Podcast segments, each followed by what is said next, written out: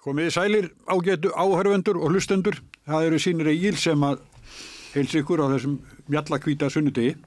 Það er fjölbreytt askrá þessu sinni eins og aðra sunnudaga. Í lok þáttarins er það Þórdís Ingatóttir lagaprofessor sem kemur ykkar og það er að, hún ætlar að fræða okkur aðeins um alþjóða domstólinn. Síðan allar Gunnar Smári að ringja til Helena Rólastóttur, örgisrákjafa á saminu þjóðunum og ræða við hann um ákurum Bjarnar Bendissonar um að hérna draga tilbaka eða frista framlu Íslands til mannúraðstofar á Gaza. En þegar áður en að því kemur þá ætlum við bræður aðeins að, að hérna hell úr viskubrunum okkar. Mm. En við byrjum á vettafangi dagsins og gestin eru Drífarsnæðal, Þorbjörg Sigriður Gunnarsdóttir Bjarni Karlsson og svo sittum við hérna bræðinir. Eh, sko, sko hvað er, hvað er að byrja? Ég að byrja að tala eins um, um viðbröð Bjarnar Bendissonar, mm. drífa, þegar hann hérna opnaði bara fyrst í kistuna. Já, uh, þetta er náttúrulega svo svakalegt uh, þegar maður heldur að hann get ekki gengið lengra í hérna í því að vera liðallur Ísæðarsmönnum gegn palestínumönnum uh, að þá kemur þetta og við skulum hafa í huga sko að því að það kemur yfirlýsík frá uh, hjálparstofnum saminuðu þjóðan en gær mm. það sem er talað um nýju ríki, þessi nýju ríki. Og við erum hlutið af þessum nýju ríkjum mm. sem bera alla skömmina. Um, við erum hérna með finnum sem eru með kannski eina verstu ríkistjórn á Norrlöndum núna, uh, útlendinga fjandsamlegustu ríkistjórnina á Norrlöndum Já norðmenn ætla að halda áfram stöðningi, norðmenn eru kannski svo norrlanda þjóð og kannski svo vestræna þjóð sem þekki best ástandi í Palestínu. Að því að þau hafa verið með mjög, mjög sterka nærvuru uh, þar uh, í, með sinni hjálpastofnun og þegar ég farið til Palestínu, ég hef ekki farið til Gaza, ég farið á Vesturbakkan í Tvígang að þá er í rauninni, þá finnum maður mjög stert hvar sko sérfræðið þekking á svæðinu líkur og það er hjá normunum umfram allt. Þannig að ef við ættum að fylgja einhverju þjóð uh, sem veit uh, hver þörfin er og aðstöðunar að þá er það normen og síðan er það að sjálfsög er dengi tilviljun að þegar uh, hérna domstólinn er búin að dæma það að það þurfa rannsakar þjóðamorð mm að þá gerur tróma Ísælar upp með það að, að hérna og gera allu að allþjóðastofnun, saminuðu þjóðana. Þetta er engin tilviljun Nei. og það er ótrúlegt að sjá að hérna, okkar auðaríkisáðara skuli elda þetta og ég bara skammast mín, ég döð skammast mín uh, fyrir, fyrir það að, hérna, að Íslands stjórnvöld skuli taka þessa afstöðu og svo næst ekki aðra. Já. Þorlug, það hefur verið uh, þinn formaður, Þor, Katrín, ég herði henni í, í útarpi áðan, mm -hmm. sko hún vil fundi í utarriksmálanemnd mm -hmm. og þetta minnir svolítið á sko að berið ekki upp í utarriksmálanemnd, mm -hmm. þetta hefur verið gert áður sko í sögunni mhm. og, og eru ekki nokkuð visslíku um það að Bjarn er að fara svona gegn meiri hluta tjóðaviljaðis. Ég meina þetta er heiklust þannig ákverðun að hérna, hann á að bera undir utanrikkismála með nefnd og, og hérna, flagga áður hvað er í kortunum og svo náttúrulega eins og við þekkjum þetta ríkistjórnarsamstara þá veldi maður í fyrir sig hvort að þetta hafi verið rætt eh, við það borð og mm. það þarf auðvitað ekkert að vera. Um, eh, en já, hún hefur kallað eftir því að hann komi fyrir nefndina og upplýsi mm. nefndina um það á, á hvaða forsöndum þessi ákverðun hafi verið tekinn og hvernig eigi að tryggja að áframhaldandi aðstóð berist mm. eða Ísland haldi það áfram að axla ábyrð sína ah.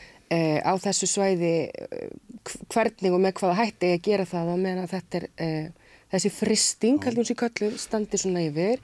Það er þetta rétt sem að drífa segir að það eru önnu ríki sem að bregðast svona við og hérna minna, ef það er eitthvað til í þessu að það séu starfsmenn þarna sem hafi tengsl við Hamas þá er það auðvitað ótrúlega, það er bæði alvarlegt og það er líka sorglegt vegna þess að trúverðuleiki er allt uh -huh. í, í svona starfi en sem stendur þá held ég þetta sé veist, þetta tvent að ráð þeirra verður að upplýsa alþingjum það hvers vegna hann gerir þetta og ákvaða fórsöndum og með hvaða hætti Íslandar ætla þá að e, standa vaktina veist, á einhvern annan hátt fyrst að hérna, það er búið að frista þessi framlög. Er ekki rétt að næsti tíngfundur er á þriðudagin? jú, Já. jú. Þannig að það má rekna með að upphæfi hans verði ekki fríður. Ég held að sem... það sé, þessi séttu stolti réttmætt gisk. Já, ég held það. Bjarni Hjálsson, síðan Já. Bjarni, hvað segir þú svona um, um þetta sem að nafniðin gerði? Sko, ég, ég held að, að uh, sko, langflest fólk sem að bara uh, ástundar svona einhvern lámarks tengsl við þetta sem við kallum veruleika hljóta að vera miður sín yfir því sem er að gerast og þetta er svona þáttur í því allt í einu er bara einhver svona hernaðar hyggja, einhver svona hugmynd um það að við að, að, að, e, e, að bara skefjalösar limlestingar á, á, á, á fólki séu e, svona bara default ástand svo maður tala um tölvumál sko. Þetta sé bara það sem maður búist með við og, og maður tala núna eins og þetta verði bara nokkur áratuga skeið og, og það er svona verið að matreiða ofan í einhvern veginn þjóðarsálirnar og heimsmenninguna að uh, nú sé þetta það sem að fólk skuli bara búast við. Það, er, það sé hérna þannig ári nú bara í veröldinni. Já, já. og, og, og, og við sjáum sko allan þennan spuna, allan þennan aðdraganda allt þetta uh, þetta, þessa atbyrðar á sem að, sjálfsög, að sjálfsögður hönnuð, að sjálfsögður stýrt og þegar, þegar þetta gerist uh, uh, hvernig það, sem það gátt orðið að, að hamasliðar gera það sem þeir gerðu sem að engin, engin ver að þá kemur þessi, sko, þá, þá byrjar þetta á uh, þessari djöfulugu kunstpásu, sko, við skulum ekki gleyma því, allt í hennu bara öllum sagt að stoppa, allt, allt í það samfélagi beðum að gera svo vel og svo bara stilla velarnar og, og síðan bara er byrjað að matreiða viðbjóðin ofan í e, taugakerfi e, þjóðana og, og okkar, unga fólkið okkar sem hefur sko, ekki fæðist inn í stríðis átök og, og, og við höfum verið að trúa því sko, sko mín kjenslu okkar sem að sem að heyrði bara flauturnar uh, uh, blása hér upp á Solomoblokkunum sko, hérna út í hverfi og, og hérna og við lifðum við svona kjarnorkuspennuna en þetta var, var hérna og, og svo hefur, og svo lifðum við það þegar Reykján og Gorbasjóf komi hér og, og það, við höfum lifað svona tíma þar sem að e, við höfum trúað í að, að það væri svona að verða eitthvað konsensus, eitthvað, eitthvað að, svona samkomalag um það, heyrðu, nei nú hættum við gamaldags stríðum. Og svo hafa menn líka verið að segja, heyrðu, meiri segja sko markaðskapitalismin er búin að sjá það að þetta er ekki hagkvæmt, það borgar sér ekki verið svona stríð, þetta er, þetta er Nefn á sett vopna framleiðandi. Já, nú þú sér vopnaframlægandi, en enga síður menn hafa verið að segja, heyrðu, djúbríkið vill þetta ekki lengur, það er, það er meiri gróði af því að, að geta sko hýrt dúnin af, af, af, af, af, af æðafuglinum sko í fríðar ástandi, það er bara meiri gróði fyrir djúbríkið og menn hafa sagt, nú, nú er bara svo komið. Uh, nei, og allt í hennu erum að lifa þennan tíma. Og, og hvað gerist? Almenningur við einhvern veginn byrjum bara að kingja, byrjum bara að luffa byrjum bara að trúa því, já, ok, nú hefur stóri bróður ákveðið að. Og það er eins gott að haga sér í bóðinu og, og við verðum óbúslega tengd öllu því sem ekki vitum. Byrjum að trúa því að þetta sé nú kannski bara einhver mikil nöðsin og þetta föðurlega vald þetta föðurlega vald sem, sem, sem klæðir sig ákveðanum áta ferðast ákveðan hátt ber sig á ákveðan hátt stýrir uh, sko uh, með sínu fasi og, og sinni sko sínu tilkalli. Af því að það er beturvitandi en veit náttúrulega sko og svo blasir við að það veit ekki betur, það getur ekki betur og, og þetta fyrirbæri sem eru herir hvað er her?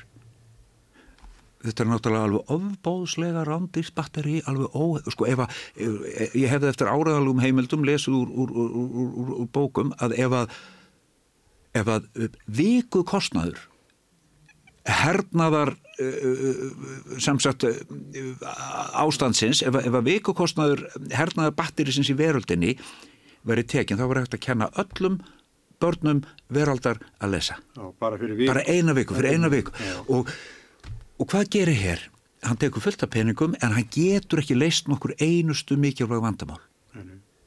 Og þannig erum við bara Já, já. og nú erum við bara þarna og, og við, hafandi engan herr, bara Björgrunsveiti sko, meira sé að við af öllum þjóðum sko, við, jú, við höfum mist afa og feður og ymsa sko í, í sjóin og við höfum tekist á við náttúruöflin en við höfum ekki lifað hernað og, og þess vegna hann hefur bent á Magnús, Magnús Hjartan Bernhardsson og mjög merkilt, ég var á fyrirlestri hjá honum um daginn, hann, hann var að benda á það að sko það er svo erfitt fyrir hernaða þjóðurnar og allar þjóður sem eru með heri sko, það eru feður og afar og langafar og það er búið að missa og það, það er svo mikil svona það er svo mikil, sko, það er búið að vera svo mikil fórn Já, já.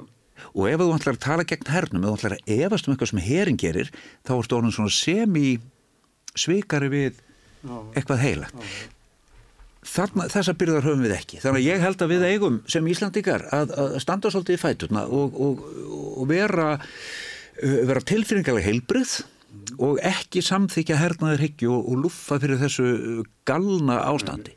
Smári, þú skrifaðir að, að Bjarni Benditsson hefði sínt að hann væri vesti fjármálaráður á sögunar og eftir fáar vikur í auðarriksráðundinu sé hann orðin vest auðarriksráðunar okkar. Já, það var nú bara til þess að geta bætt við að líklega vera líka vesti formaður Já, sjálfstæðarflokksins. já, líka, já.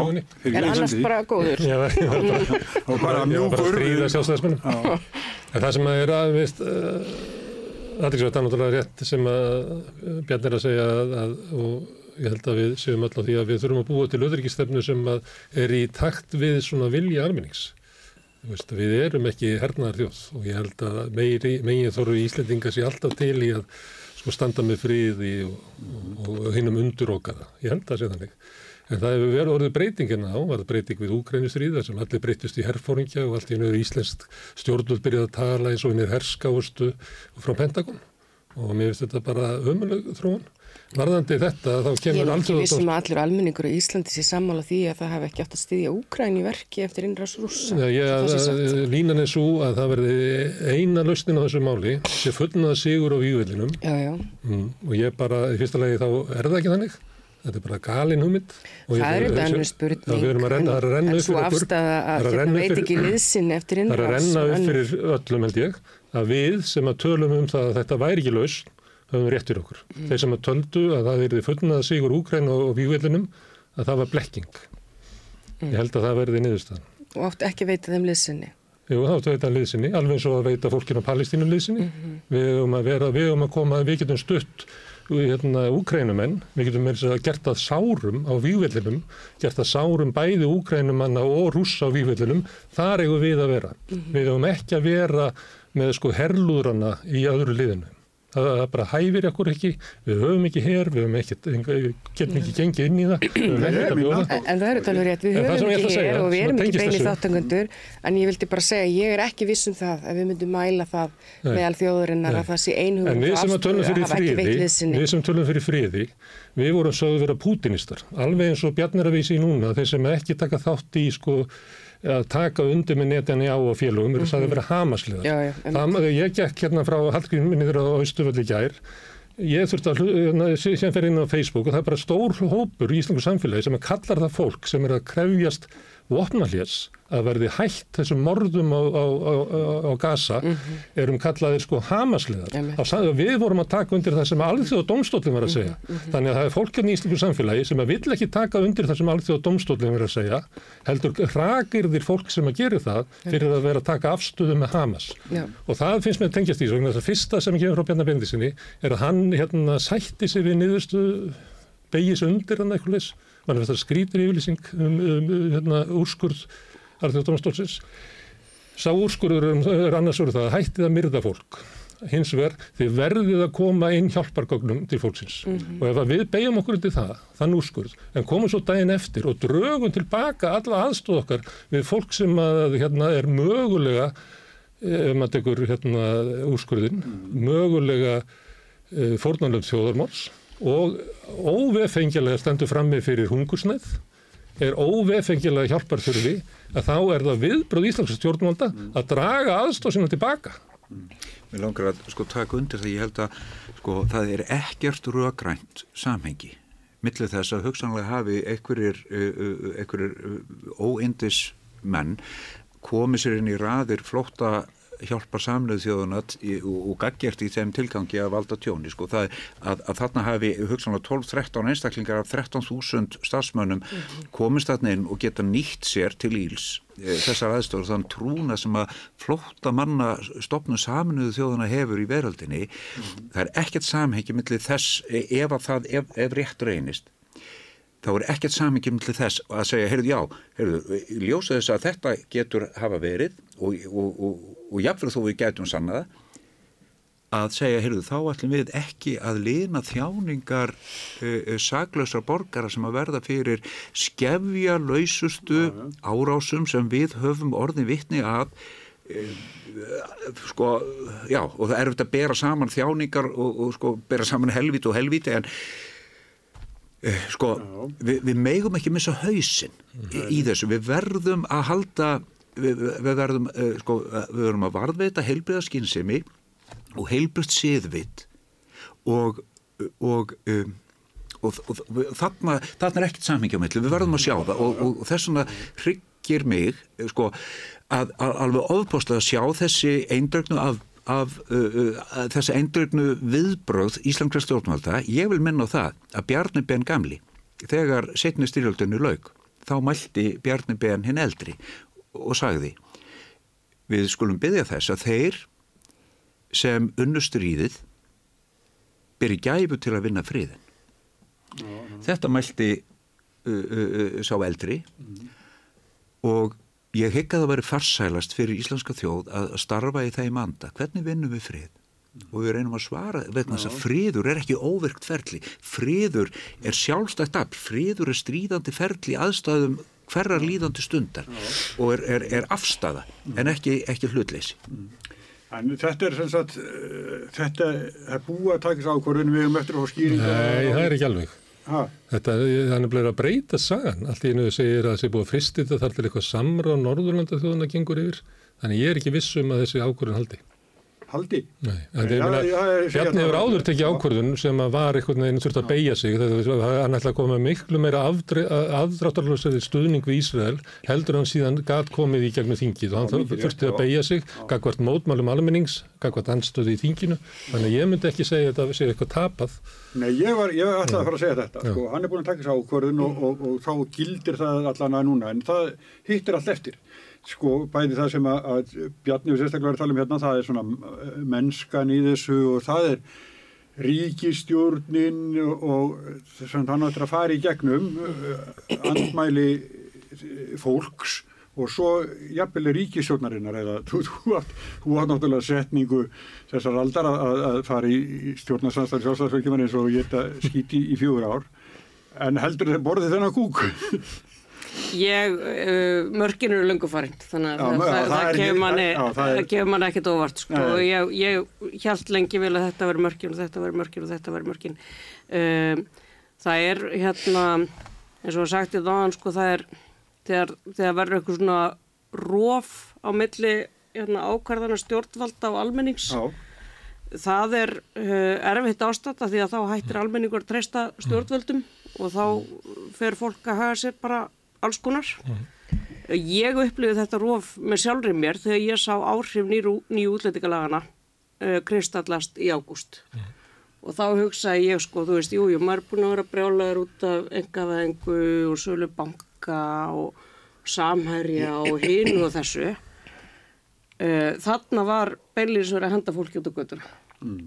Og þetta fólk er ennþá á göttunni. Það er endar í einhverju gisti skilji, en það er upp að náða miskun almennings og þetta fólk getur ekkert farið og þetta eru mannsastólendur.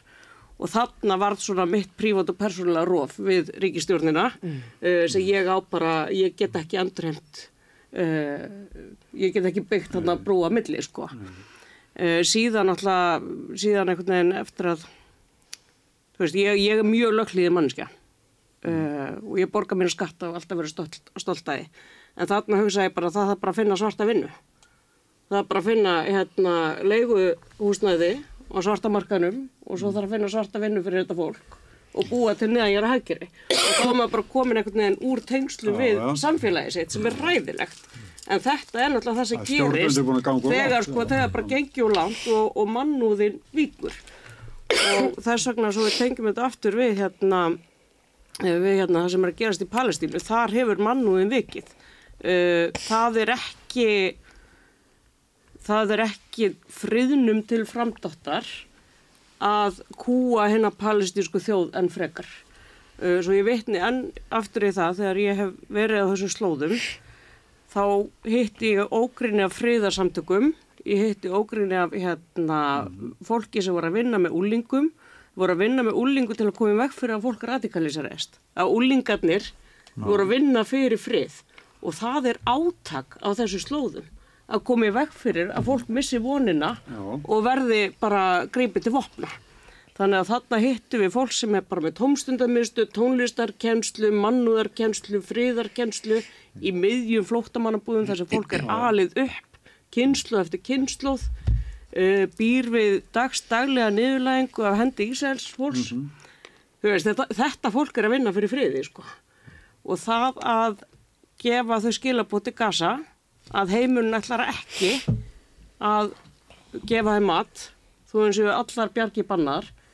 Það verður ekki til þess að það verður friðsætla í heiminum. Nei, nei. alveg Nei, nei. Eh, sko gasan í á vesturbakgrunni aðri sem finna sko samú með, með gasabúum og, og samsamað sig þeim.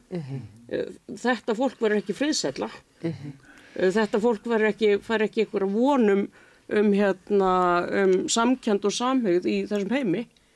Þannig að svona, svona ákvarðanir eru bara, þú veist, fyrir auðvitað það að svelta fólk beinlinis að þá eru þær disastrous fyrir bara heiminn allan. Svo er þetta hóprefsing, þetta er, eh, það er talað, eh, Ísraelsmenn segja eftir yfirreslur, sem að við getum alveg gett ráð fyrir að þeir stundi pyntingar við, að þeir segja 12 manns af, eh, er ekki 36.000 sem að starfa fyrir þessa hjálpastofnun. Já, Hafi brotið- 12.000 eru á þessu svæði ef ég skilði það rétt. Tól, já, eh, 36.000 sem starfa fyrir það. Og þeir hafi hérna tengsl við Hamas, við veitum ekki hvernig það var, því að Ísraelsmenn ger enga greinamun á sko hernararmi Hamas og hennum pólitíska armi. Eh, Hamas hérna vann kostningar og, og stýrir eh, gasasvæðinu. Þar eru póstarsmennir uh, bara eins og í íslensku samfélagi. Það eru hérna hluti að bara hennu borgarlega skipulagi tengist Hamas. Ísraelsmenn ger enga greinamun þar á að þá hefur við af því að Ísraelsmenn segja 12 af 36.000 hafi haft einhver tengsl við Hamas að þá hefur við að beita öllum sem eru þarna, uh, fólki sem er í verstri stöðu í heiminum í dag, einhverju hóprefsingu og ætla að gera hvað? Ætla að svelta það þangað til að það geri hvað? Hvers svona aðgerð er þetta? En að þið drífaður að nefna hérna þegar verið rofa millir stjórnvalda og almennings og aflengar þess eh, og það er auðvitað alltaf hættulegt ástand. En ég ætla bara að lega mér að segja að það sé líka, kannski ekki nota orðið hættulegt en, en eitthvað mjög nálagt því að vera með rof í ríkistjórn eins og við erum með í dag. Því það er auðvitað þannig þó að Bjarni Benditsson byrtist í fjölmjölum og tala sem utaríkisáður að hann ríkis, tilheyri ríkistjórn. Um, og þetta er þá stefna e, og ætti að vera með yfirlýsingar hans ríkistjórnarinnar allrar. En við vitum alltaf hvernig samstarfið er í ríkistjórninni og hérna það verður sjálfsta, sjálfstætt e, mál núna í þessu máli eins og nánast öllum öðrum málum. Að ráðherratnir eru ímist í félum eða byrtast og, og, og segja okkur e, sikkura söguna því hvað þarna er að gerast. Heldur hann hafi ekki bórið undir Katrínu. Ég ætla ekki að þykast hafa skoðun á því, menn ég sá þetta bara í fréttum í gerðkvöldi, ég menn ég ég ekki sé ráð dálítið- fyrir, eigum við ekki ráð fyrir því að, að Við allar aðlirar Ég er ekki um það. ættum við ekki einu svona að vera að ræða það Nei, hérna, nei, hvort nei. að það Ég er ekki væri viss um það. Nei, Finnst ykkur líklegt að hann hefði borðið undir Katrín og Katrín satt bara góð bjarni? ég ég held ekki, hún ég- þarf að svara því en það sýnir bara í hvaða ástandi við erum og það er, ósvarað þess vegna þarf hann að koma fyrir utaríkismálu nefnd og útskýra það hvað býr þarna að baki, hvernig ná að leysa úr, úr málum á uh, annan hátt eða ákvæmski ekki að gera það. Það er talað um fristingu sem ég núna í fjölmjölum en ég sá þetta bara í fréttum í gerðkvöld. Hvað þýðir það? Í hversu langan tíma? Uh, hverjar uh, sér, hvað, hvað, hvað, hvernig metur að ríkistjórnin afleggingar af því? Um, stendur til að endur skoða þetta eitthvað eins og þú nefnir Gunnarsmári, er, er þessi rúf. algjörlega í höfn eða ekki, veist, við vitum uh, ekki neitt. Uh, en síðan er það auðvitað samt þannig að, og það verður að, mér finnst að þurfa að segja það ef það er rétt að það er hérna einhver hluti starfsmanna hjá stopnins og samrið þjóðum sem að hefur þessi tengsl Ég get ekki sé betur á viðbröðunum en að, að yfirmaður stopninu að taki sjálfur undir með því að hafa vikið þessu fólki frá störfum. Það er alltaf mál heldur að stoppa. Já, það, já, það var ekki nei, ég er- stopnunni sem ég að ekki gerði að tala- hriðiverk. ég er ekki að tala Það var um ekki það. stopnunni sem stóð fyrir hriðiverk. Nei, ég er ekki að segja það, en ég er að segja það er svo alvarlegt að svona gerist ef við gefum okkur það að sé eitthvað hæft í þessu því þetta hefur stórkostlegar afleðingar, alvarlegar til lengri, lengri tíma. Við Það höfum- þarf að ræða það líka. Við höfum tekið þátt í, í hérna, aðstóð við hungursvæði Ég er í ekki að tala Eþíópíu fyrir og því, víðar. já, en ég er ekki að tala fyrir því að hann eigi að linna, ég er bara að benda á það að Ég- mér finnst það ekki vera nefnt hérna í þessu er að taka það dæmi, er er að alvarlegt. Og þar sem að, að til þess að koma hjálpagögnum á leiðarenda þá verðuru að, að treysta á stríðsadila til að dreifa því. Ef við varum með hungusnæði í Afganistan, ef við að leifa fólkinu bara að deyja þar vegna þess að við viljum ekki taka þátt í því eh, að, að vinna að hjálpinu með talibönum vegna þess að í því fælist viðurkynning á því sem talibanar hafa gert, er að gera og muni gera í Nei, framtíðinni. nei, en þú ræður kannski ekki umræða. þú bara ræður ekki talibana til starfa Ha. Innan stopnana saminu þjóðan, ef það væri líka En ef að þú getur ekki dreift, þú veist, Hamas er með 70% fylgi á Gaza. Mhm. Hamas hérna rekur alla stofnunum á Gaza. Mhm. Og ef að Ísælsmenn kjósa það að segja postafgjörslumadurinn sé að styðja hriðverk með því að vera í Hamas, Mhm. í, hérna, eða styðja Hamas. En er ekki verið að ganga lengra það og tala um þetta séu einhver aðalega sem hafi haft tekið þátt í En skiplega? það segir, í, í, við höfum þetta frá Ísraels, eftir yfirreyslur Ísraelsmanna. Og aftur, ég er bara að segja, við, við sjáum þess að frétt, fréttir fyrst í gergkvöld, ekkert okkar veit hvernig í þessu búið, Á- á móti en grundvallaði ráður að fara að koma fyrir nefndina og útskýra það hvað, hvað hérna hann Já. telur þarna vera er baki, móti- hversu, hversu hérna langvarandi þessi ákvörðin á að vera, Mm. var fórsetisráð þeirra, var formaður framsunarflokksins, voru þau upplýst, formar auðar í þessum málum. Og ef þessi ákvörðin á að standa í nafni ríkistjórnarinnar e, á að koma til einhver önnur aðstóð eða verður hún engin og mér finnst líka aðrið því það hefur verið þannig gegn tíðina en að Norðurlöndin hafa daldi fylst að. Þau eru í sikur áttinni. þannig að Þau eru í sikur ekki. áttunni hér, já. Og það er sorglegt. Mm. Því það hefur verið sá taktur að svona hinn, hin, hérna, Norðurlöndin hafa fylst að og stutt hvert annað í þessu. En ég vil ítreka að við erum annars vegar með úrskurð, ígrundan úrskurð alþjóðdómstólsins eftir hérna, margra vikna vinnu, málflutning og merkilega. sem að segir það verður að koma hjálplokkað. Já, já. Hins vegar eru við með fulleringar Ísraelska hersins sem hefur verið að hérna, yfirheyra einhverja, einhverja menn það sem að beinist sög okkur um 12 manns. Bjarni Benendisson tekur það ákvörðun að eh, vera með aðgerðir í okkar nafni út frá þessum fulleringum Já, en hunsa alþjóða dómstólinn. Já, já, já, já. Þetta þetta er mjög það- merkilegur úrskurður. Það er, við erum myndið að tala um að, að sko, hann þarf væntilega að svara einhverju þegar þingi kemur saman á þriðudaginn. Það verður bara að hætta þessu. Það verður bara að draga þetta Já. tilbaka. Það er saman að það gera. Já, já, hann tekur ekki þín org og gild því, því smári. Þeir eru allir hérna á því. Það En, hérna, verð- atkvæði hér. Við verðum að komast áfram, það eru fleiri mál, við leysum þetta ekki, en við erum öll búin að segja eitthvað um, um hvað okkur tekir. En það er hérna allt í einu, erum við, við vorum að horfa á kjaraviðræðunar og allt virðist ganga svo vel. Og svona virtist bara að takast eitthvað sko ó- útrúlegt afreik að, að ganga frá kjarasamningi, en svo bara allt í einu þessa hérna brýtur sér frá þessu með að lækka tilbúðið sitt. Og svo kemur Viljálf með Birgisson og segir nei, nei, bara 0% bara, allt í lagi, bara allir farið tilbaka. Drífa Nei, þú, þú er Já, þú ég hefur held að ég hefði verið tjörgu og fyrir hefði ég lagt til 0% kjarahakkanir á einu ári.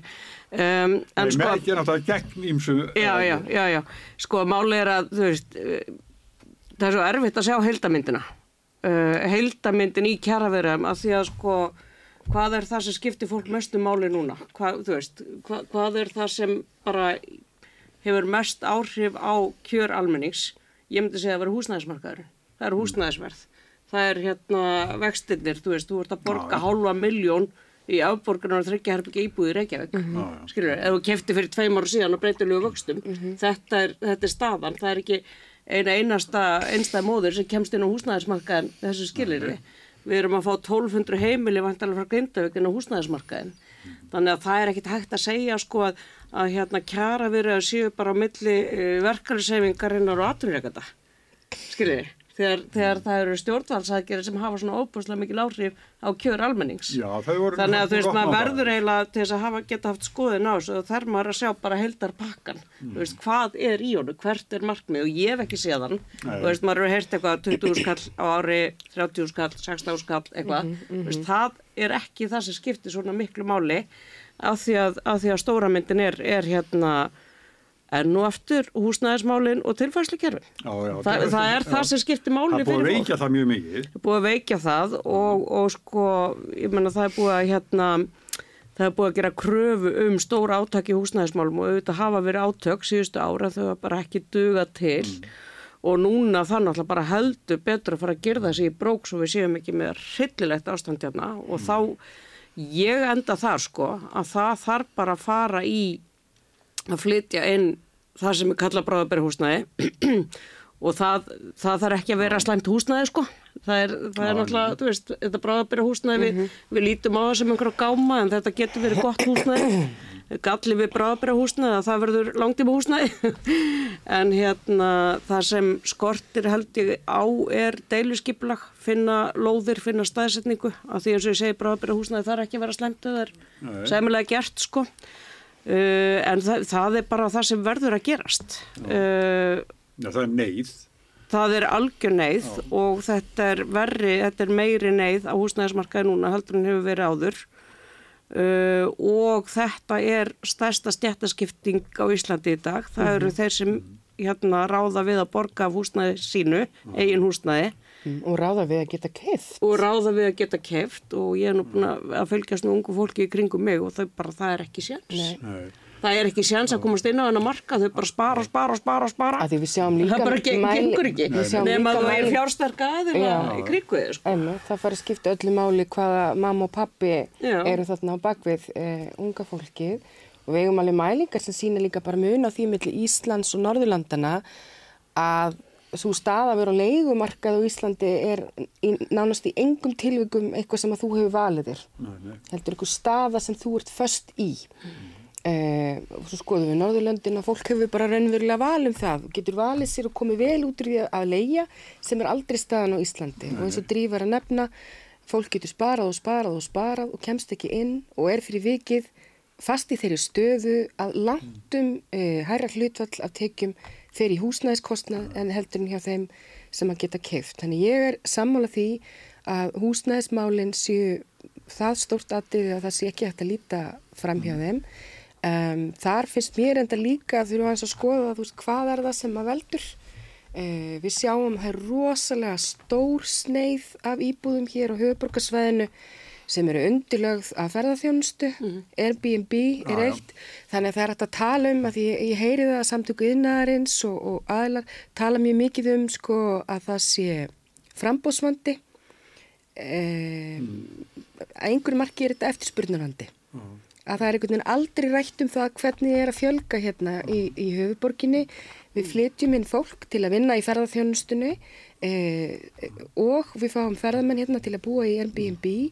Eh, þetta hefur áhrif og húsnæðismarkarinn þetta líka síðan stór, stór eh, þáttur um það hvað hérna verðbólgan er eh, lífseg. Ef ég skilja rétt ef stóra markmið er að ná nýru verðbólgu þá þarf að horfa á húsnæðismarkaðin. Svo myndi ég kannski segja varandi þetta með sko, tilfarslukerfin og þetta og þú nefnir að við sjáum ekki stóru myndina og það er alveg rétt.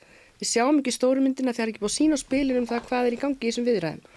Eitt er þetta kannski líka það að tala um þjóðarsátt þegar stór stjættarfélug sitja ekki við borðið. Nei, breyttu sér breyðfylkinguna. Já, Já. já, já, breiðfylking, já, jú, en það var talað um þjóðarsátt og þú getur þetta ekki talað um þjóðarsátt, þú býður bara sumum í bóðið Nei, nei. og sumum að borðinu. Nei, nei. Og þarna ertu með BHM og BSB og stóra aðeila þarna fyrir utan. Síðan er það hitt sem að mér finnst svona sérstakt þegar einhvern veginn er verið að tala um að vera, allir þurfa að vera ábyrgir og allir þurfa að vera með, þá er þetta hinn hlið, hliðin á þessum með tilfærslutina er að ríkið er að einhver marki að niðugreiða samninga fyrir atvinnurreikundur. Að sneiðin hjá fyrirtækinu verður minni vegna þess að ríkið á að taka sér stóran hlut.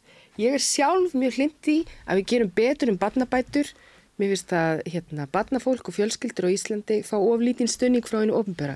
En þetta eru pólitískar ákvarðanir. Já, ég- ég það ekki, ef það er ekki finnst mér fyrir samtök atvinnulífsins, þau voru ekki kjörin til að taka þessar ákvarðanir engöngu.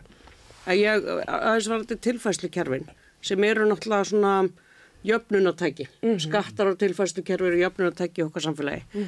Og mér finnst það sko vera mikil ábyrg hvers samfélags að létta undir með fólki Sammála. á erfiðum stundum í lífinu. Þegar sér það gefur höfuðið uh, menta sig uh, með börn og svo framvist þetta er náttúrulega til þess erum við samfélag. Þess að aðstofa hérna og, og dreifa En- og þess er þetta á tilfæslu kerfi og þau bara skipta alveg óbúslegu máli sérstaklega var ég að segja það. og, en þess að líka sko, En mér sem finnst er það bara sérstakt að það var að tala 500.000 um í- í- 25 miljard á ári sem að ríkið er að borga til þess að þessi kjarasamningar getur orðið að veruleika. Þetta er bara það sem er búið að skerða síðan 2013. Já, þú veist og það máli taka það samtal. En ég er bara að benda á alveg eins og það er ekki öll stjættafélög við borðið ríkið situr ekki heldur í þetta borð. Nei, nei. Og, og við inn í fjárlaganefnd fáum þá allt í henni hérna eru til 25 miljardar ný í, e, útgjöld sem að Sigurður Margit Oddsdóttir samt um fyrir ykkar hönd Nei, þetta virkar náttúrulega ekki alveg þannig sko. Nei, þetta- náttúrulega- en þetta er já, en- en einfaldara ég, en ég held sko að þú veist, farsælustu kjærasamningar bara í gegnum tíðin á Íslandi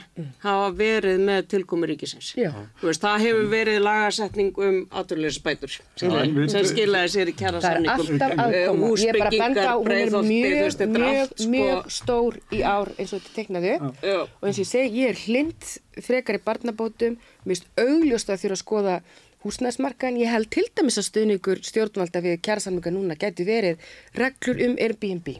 Það er enda komið, það var eh, auglist í Já, er stuðningur Lilja við þarf að herða þetta.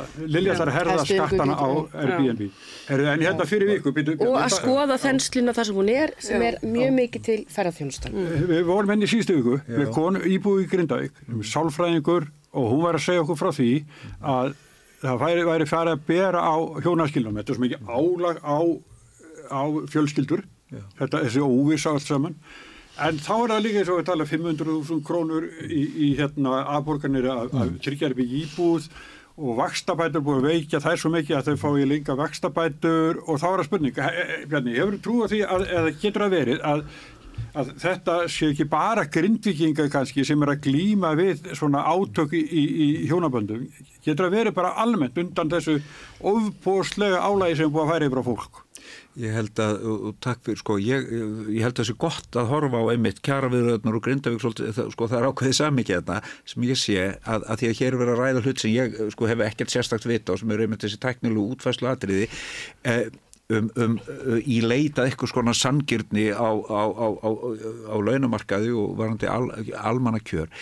Það sem við, sko, sem þjóð erum sammálum held ég þá horfum ég á þetta sem siðfræðingur sko, að, við erum sammála um eitt að það er þetta að þegar náttúruöfninslá, hei, þá leggjum allt í hlýður og stöndum saman. Og ég kynntist þessu náttúrulega ég starfaði í Vestmanni var það sóknarprest og sá ég náttúrulega bara Ísland, Íslandi í svona minkæri mynd. Þegar þegar áföllin urðu á hafinu sko eða stórslýs urðu þá bara lögðu menn sko nýður uh, allar þrætur og það var bara staðið samans með einn maður. Þetta kann íslensk þjóð. Einmitt þessi herlösa þjóð sem hefur alltaf glýmt við náttúruöflin og, og, og, hérna, og kann þetta. En við höfum aldrei gert það upp við okkur sem þjóð. E, hvort að við ætlum í alvöru að e, unna hvert öðru því að, e, að hafa sko eiga nógu gott líf það er, það er ekki á dagskrá. Uh, sko, það, er, það, er, það er nefnilega á dagskrá í íslenskri þjóðasál ákveði næjusemi fyrir annar og hönd þegar kemur að uh, framfæslu vandanum mm. og við bara höfum það þannig og það kemur bara berlega þess að þegar maður les bara söguna sjálfstætt fólk sko, sem er skrifuð 1930 og eitthvað. Þetta hefur ekkert breyst, sá sem allar sér þá fyrn að, að eignast þak yfir höfuðið má búast við uh, sko ærumissi og, og, og, og því að missa yfir höfuð öll, öll tök. Við, við hérna þessi einfalda þörf sem að er mjög fyrir sjálf við kunum mjög vel að byggja hús við veitum al- alveg hvað einmitt sko húsnæði kostar og, og það, það, er, það er mjög einfalt e, væri mjög einfalt að segja bara sem svo, heyrðu, eigum að hafa það þannig í íslensku samfélagi að þetta, nú er nú streitan sko, að þetta sé ekki streitumál, við skulum bara hafa það þannig að, að, að hinn almenni maður geti á almennum launum e, fengi húsnæði. Þannig að, að, að, að það þurfa allir þetta, eigum við ekki bara hafa þetta inn í okkar svona, eigum við ekki bara hafa samkomlag um það? Að húsnæðismál sé ekki streit, ef þú síðan vilt búa stort þá bara finnur út úr því, en höfum almenna sangirni af því að þetta er almenn þörf. Og svo skulum við hafa einhver lámars framfærslu viðmið sem eru þannig að nei, nei, það er engin uh, hér með skýrbjú, sko, það, það fá allir grundfalla næringu og, og, og svo framvist, þannig að við skilgreinum að bara með, með, almennir þekkingu sem hver, hvert einasta húsalt hefur hverjar eru svona grunnmannlega þarfir og höfum það þannig að við höfum öll aðgengi, almennt aðgengi að þessu samfélagi og við getum skinnjað okkur að við tilherum samfélagi sem að hafi svona láma sangirni þannig að, að félagsauðurinn sem að við erum með skinnu núna þegar við segjum bara, nei, nei, stöndum með Grindavík og við leysa þessi mál. Og það tala allir einu rómu það, verðum að finna út í að fólk geti halda áfram að lifa og, og, og, og þetta er bara, vá, guðusilof, við erum þó allavega ætlum að standa áfram saman í glíminu okkar við náttúruöflin, við búum saman í þessu landi Já. en það breytir ekki því og það kemur fram í þessum kjara eh, mála eh, semst, öllum þessum vinnumarkas átökum við erum ekki búin að ákveða þessum þjóð hvort að við ætlum að hafa það, við höfum ekki te við höfum tekið ákvörnur eftir að sagt, við höfum tekið aktífa ákvörnur um það sem hefur ekki breyst síðan ég byrjaði að fylgjast yfir höfum með fátækt á Íslandi, ég hef gert það í 20 ár. Við erum alltaf með nákvæmlega sama prósentu hlutfallega börnum sem arast upp í fátækt og það er búið að sína fram á það með, með sko, skýrum rökum sem engin andmælir að það væri ódýrara fyrir rekstrar eininguna Ísland að ala börn ekki upp í fátækt vegna þess að þetta bitnar alltaf meira að segja á rekstrar einingunni sjálfur nei, við höfum þetta svona, akkur er það, það er ekki fjárhærslega rástæður, þetta er hugarfærið okkar. Pólitík. Sko, þetta er dýbra, þetta er dýbra náttúrulega pólitík, þetta er, þetta er hugarfar, þetta er vanvirkt hugarfar sem byggir á vangetu okkar eða, eða já, vangetu okkar til þess að unna hvert öðru því að eiga nógu gott líf. Og hvaðan í fjáranu kemur það og það er þetta sem við þurfum að leysa. Já, já.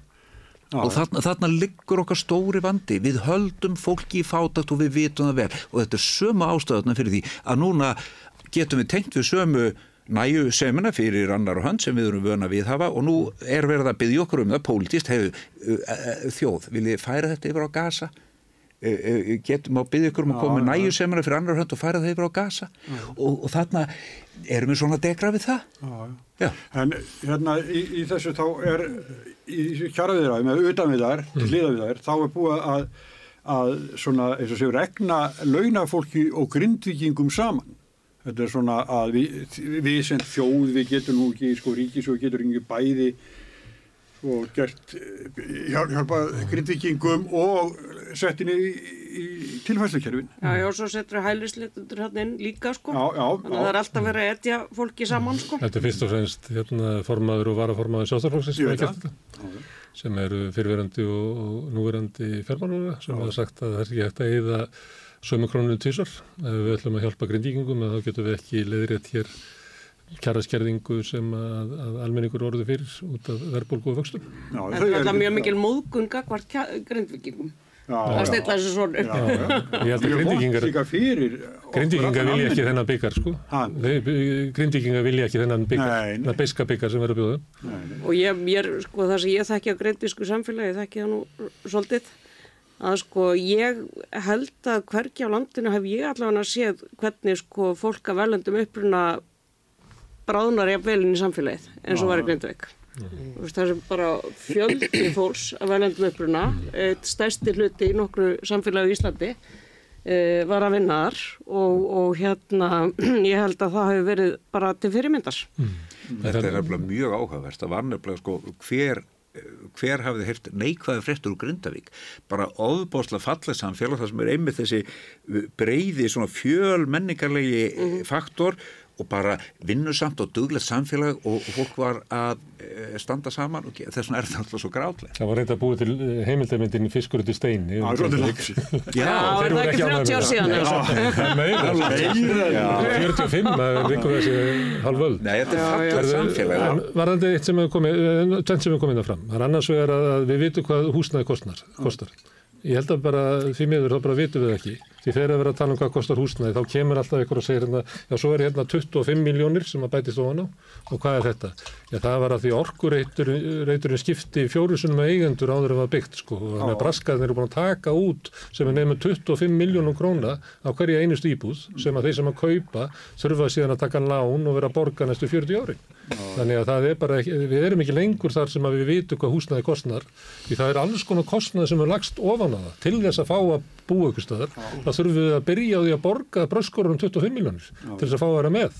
Þess vegna dugir ekkert annað en samkomlega almennings um það að virða almanna hag það er bara til fyrirbæri sem heitir almanna hagur en við höfum ekki það hugar fyrir við, við erum svo först í hugmyndinu um forréttindin, við tökum það sem náttúrulagmál að það skuli alltaf vera lítill hópur sem, sem að sko hafi forgang á almannahag, við trúum ekki á almannahag. Nei, við trúum annað, er bara, þetta er bara nýtt dæmi sem er alveg skelvilegt, það, það sem að flugbjörgunarsveitin er núna, hérna í, na, við líðarenda, mm. að það er sko lóðinu þar sem að, að rífa hérna hús flugbjörgunarsveitin og þar á byggja íbúður og eftir allt braskið þá er leggstu lóðin á 751 miljón. Mm. Áður er nokkuð að gert, þá er ykkur sem fjekk þessu útlutast búin að taka inn penning og seldi kannski öðrum og, og kollakolli það enda með því að fólki sem ættir að kaupa íbúður hana mm. þá ættir að borga þess að 750 Ég, ég var að veitni þetta með okkur það er 5, 5 miljardar, ég held að sé 8 miljardar í ártúrsbrekkunni sem eru bara teknir út áður en að það er ekki svona byrjað að tekna húsin sko. þá er eitthvað búin að græða 8 miljardar ég held að það hefur verið að þeir sem ári í ártúrsbrekkunni hafi keift á eitthvað rúma miljard þeir eru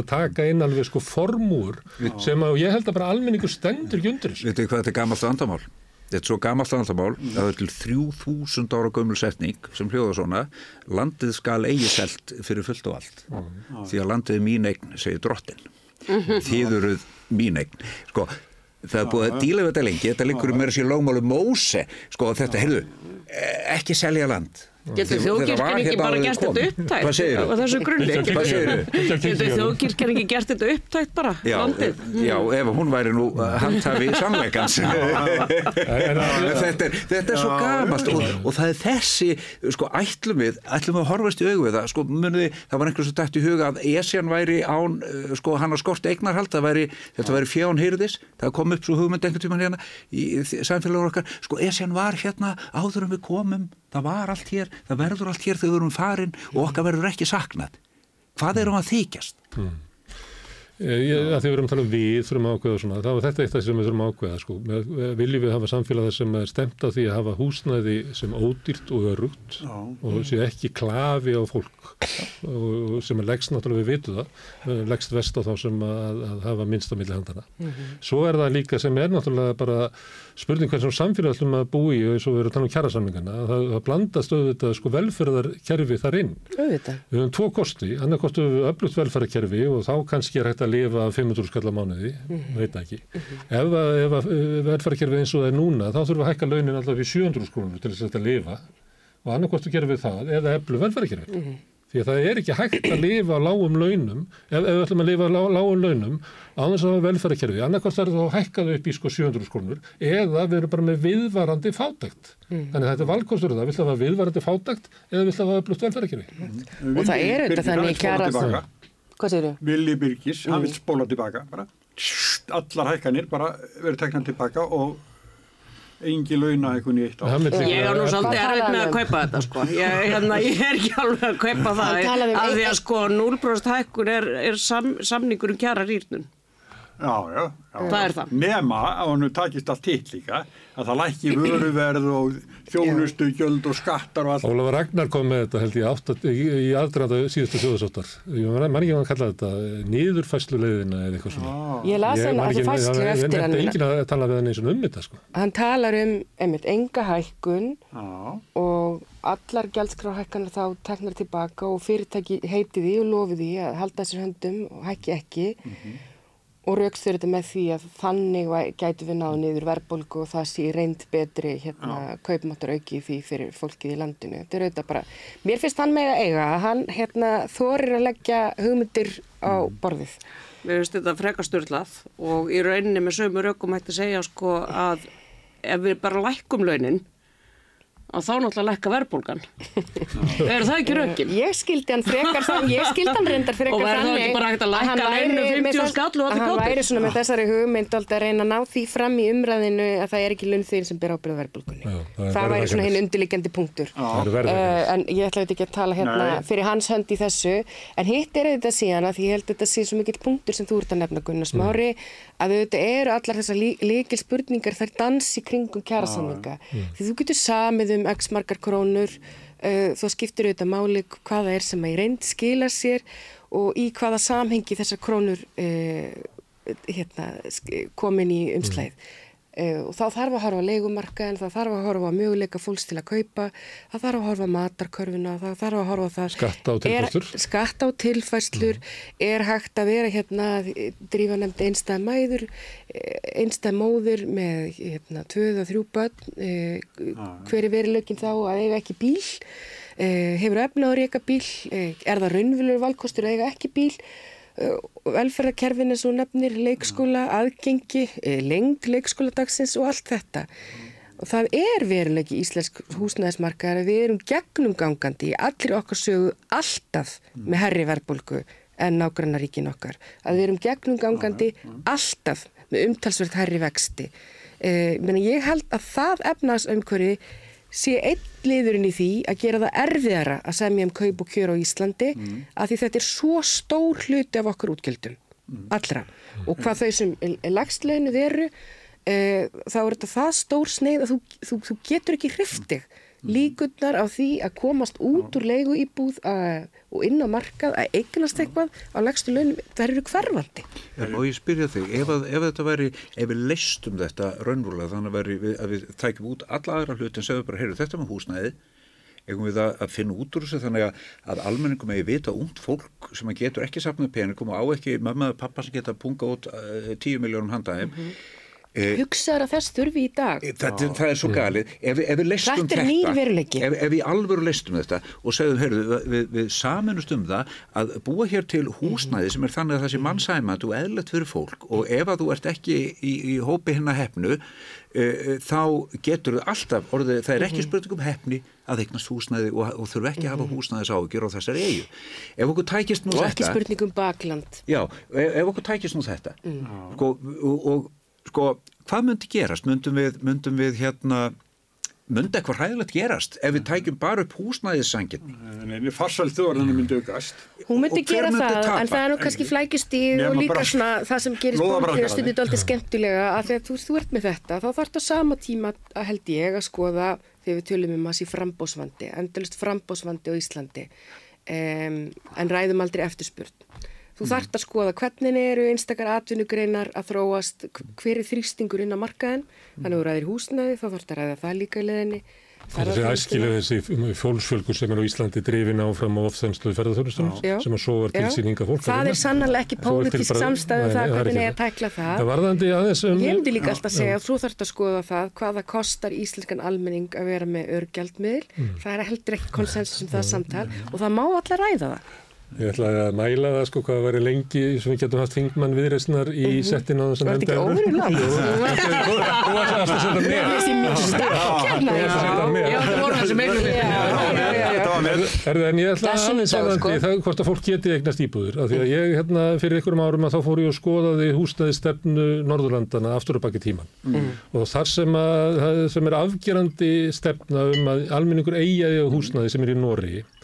það það var fjármagnað í gegnum opibera sjóði og það er þannig að fólk með lægri millitekjur og þar fyrir neðan getur ekki eignast húsnaði á svona bara markasforsöndum. Mhm. það, það, það, það, það ræður ekki við hækkun á húsnaðisverðinu og það ræður ekki við hækkun á vöxtum og öðru slíku. Þannig að það hefur aldrei gerst í sögunni í okkar heimsluta Mhm. að, að verði almenn húsnaðiseign án stuðningsríkisins. Það, hefur bara, það þekkist ekki.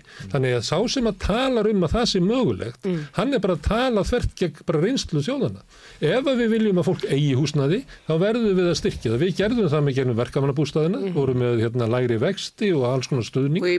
Og. Og mörgum fannst það bara að vera farsa laust, en við yfirgáðum þessu laust. Og ákvæðum það að núna ætlum við ekki að gera neitt að á að geta skiptir að þessu. Nú ætlum við að hafa bara frjálsan markað, frjálsa verðlæningu á vöxtum, frjálsa verðlæningu á húsnæði og sjáum hvað gerist. Það sem að gerist, það sem þeir að segja, þá eh, mögnum við upp stjættaskiptingu í íslensku samfélagi. Já. Því að við þurfum að hafa, og það er bara var samkomulega á eftirstýrsárunum að við ætlum að beita ríkisvöldinu til þess að auka jöfnuð og öryggi í samfélaginu. En við yfirgáum þetta, þessar hugmyndir. Og við sittum uppi með hérna afleðingarnar og hérna, eh, við getum kannski bara hort tilbaka og segjum allavega, förum bara aftur til hérna 1980 og finnum þráðin sem við týndum.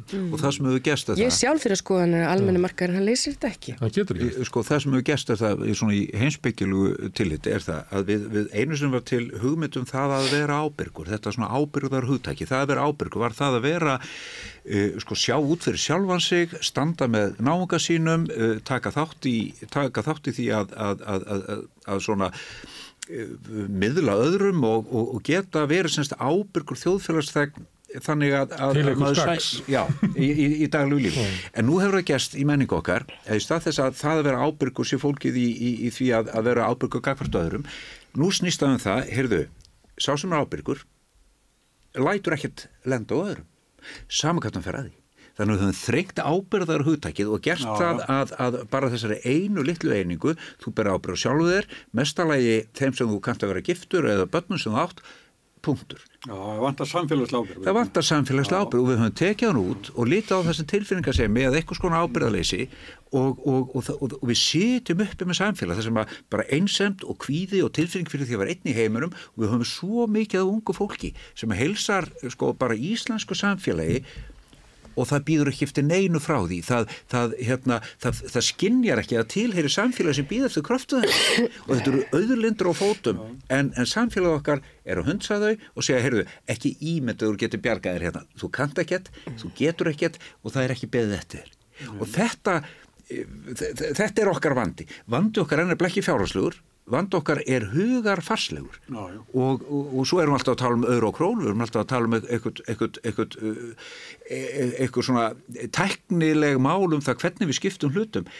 Eh, við munum alltaf tækni hann okkur fram hjá sanginninni svo lengi sem við bara erum þarna. Við verðum að ákveða, við verðum að gera upp við okkur. Ætlum við á þessari litlu eigu að, að vera ástunda eitthvað skonar lámars sanginni, við skulum ekki byggja um meira en við skulum byggja um lámars sanginni við erum ekki að því enn og nú er einmitt eins og ég segi það er verið að byggja okkur um þessa næjusemi að yfirfærna líka yfir á annað fólk. Heimurinn er vegar bara fullur af fólki það er ekki tækt að fara. Vi, við erum bara all hér og annarkvort erum við að koma saman í mark eða það er enginn að komast í mark. Við, eh, sko, þú kemur hérna, sko, að því að það er stutt eftir, það er eitt stórmál sem við hefum ekki rætt og enn alltaf að byrja að þér drífa. Það er hérna mikil fjölgun, sko, flótta fólk sem er að koma hérna og nefndu það á hann sem eru bara á göttinu hana. Verðið þið vör við það í stígamótum? Ég ætla að fá að skjóta þess inn. Það er ekki fjölgun. Nei, ég ætla einmitt að segja það, það er Ég ekki tók fjölgun saman fólk hérna bara fólks. tvo- Já, það er þrjá margt. síðustu Já. mánuði og það mun að það er 40% færra flotta fólk að koma hinga núna heldur en í fyrra. Já,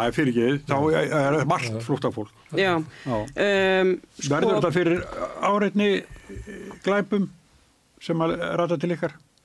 Já, þú meinar hvort að gerendur séu, Já. nei, nei. Nei, höfum þolendur, þolendur. Já, þólendur og gerendur, sko.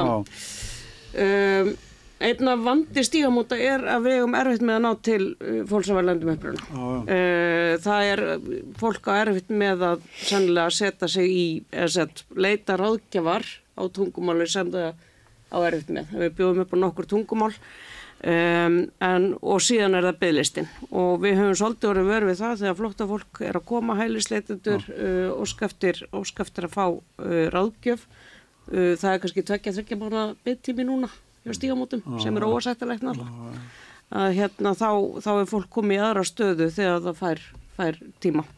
En ég get ekki sagt sko að við verum vörfið einhverja aukna glæpi kynferðsbrot það er ekki þannig en þetta er stöðu áskorum hvernig við getum þjónustað hælisleitendur og fólk af velendum uppruna.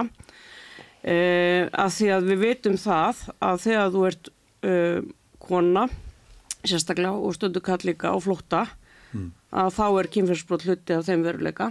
Aha, og fólk er oft með óbúslega erfiðan bakka þegar það kemur ykkar, jafnvel hefur verið sendt mannsali í vændi og svo framvegis uh, en svo er það líka sko, við verðum líka verið við það að til þess að geta fara að vinna úr svona reynslu sem er bara sko einskjálfilegasta reynsla sem hægt reymeta sér, þá þarf þú að vera með öryggi.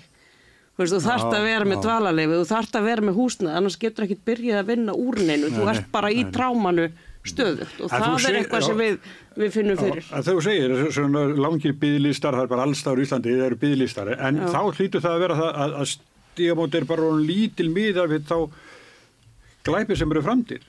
Já, sko- fjöldi fórnarnamba. Sko, já, já, það er ekki alveg samansemmerki á milli fjölda glæpa og fjölda þeirra sem koma til stígamóta.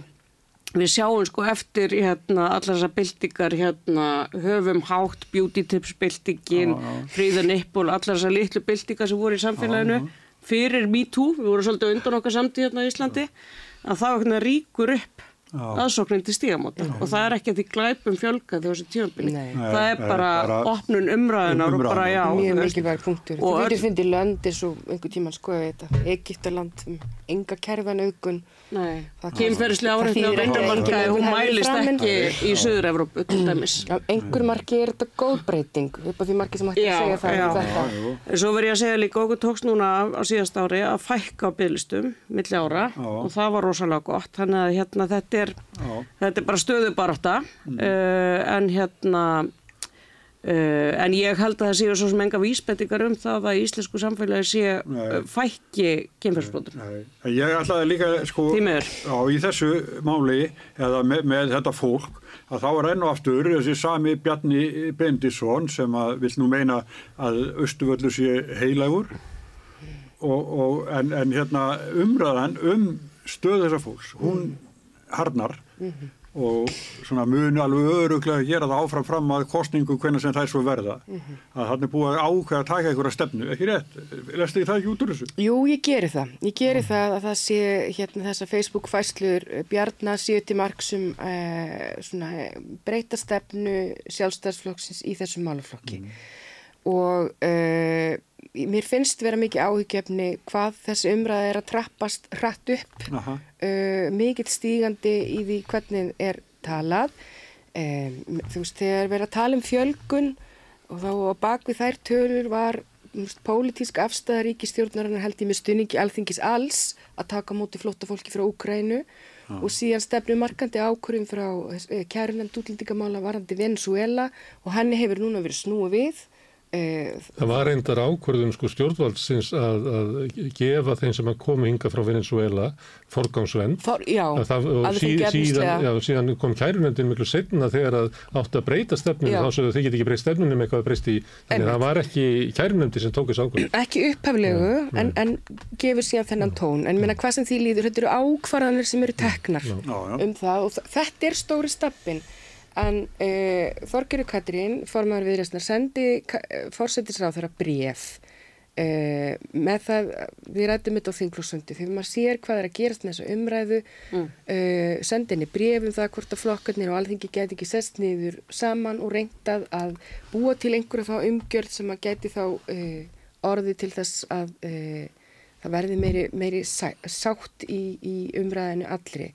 En hérna ég held, mér finnst þetta líka sérstætt sko því að fyrst þegar þessi ríkistjórn var til og svo aftur núna fyrir tveimur árum þau endur nýju heitu sín, þá heyrum við alltaf það er svo mikilvægt að hafa ríkistjórn á brettina, við erum með sterkan meiri hluta, eh, þetta marga þingmenn og þetta er svona hluti af því að vera geta unni eftir einhverju stjórnfestu. Svo heyrir maður ráð þeirra sjálfstæðsflokksinn stíga fram í hverju málaflokknum á fætur öðrum. Útlendingamálin, orkumálin, bara nefnir þessa tvo málaflokka. Þeir hafa farið með þá í tíu ár. En tala eins og þeir sé bara einhver álitskefar út í bæ og hafa ekkert um hlutin að segja. Og þeir þykir miður og hitt og þetta sé svona og hins einn um, sem er þetta bara vantröst yfirlýsing á þá sjálfa. Ef þetta er raunverulegt áhugjefni þeirra.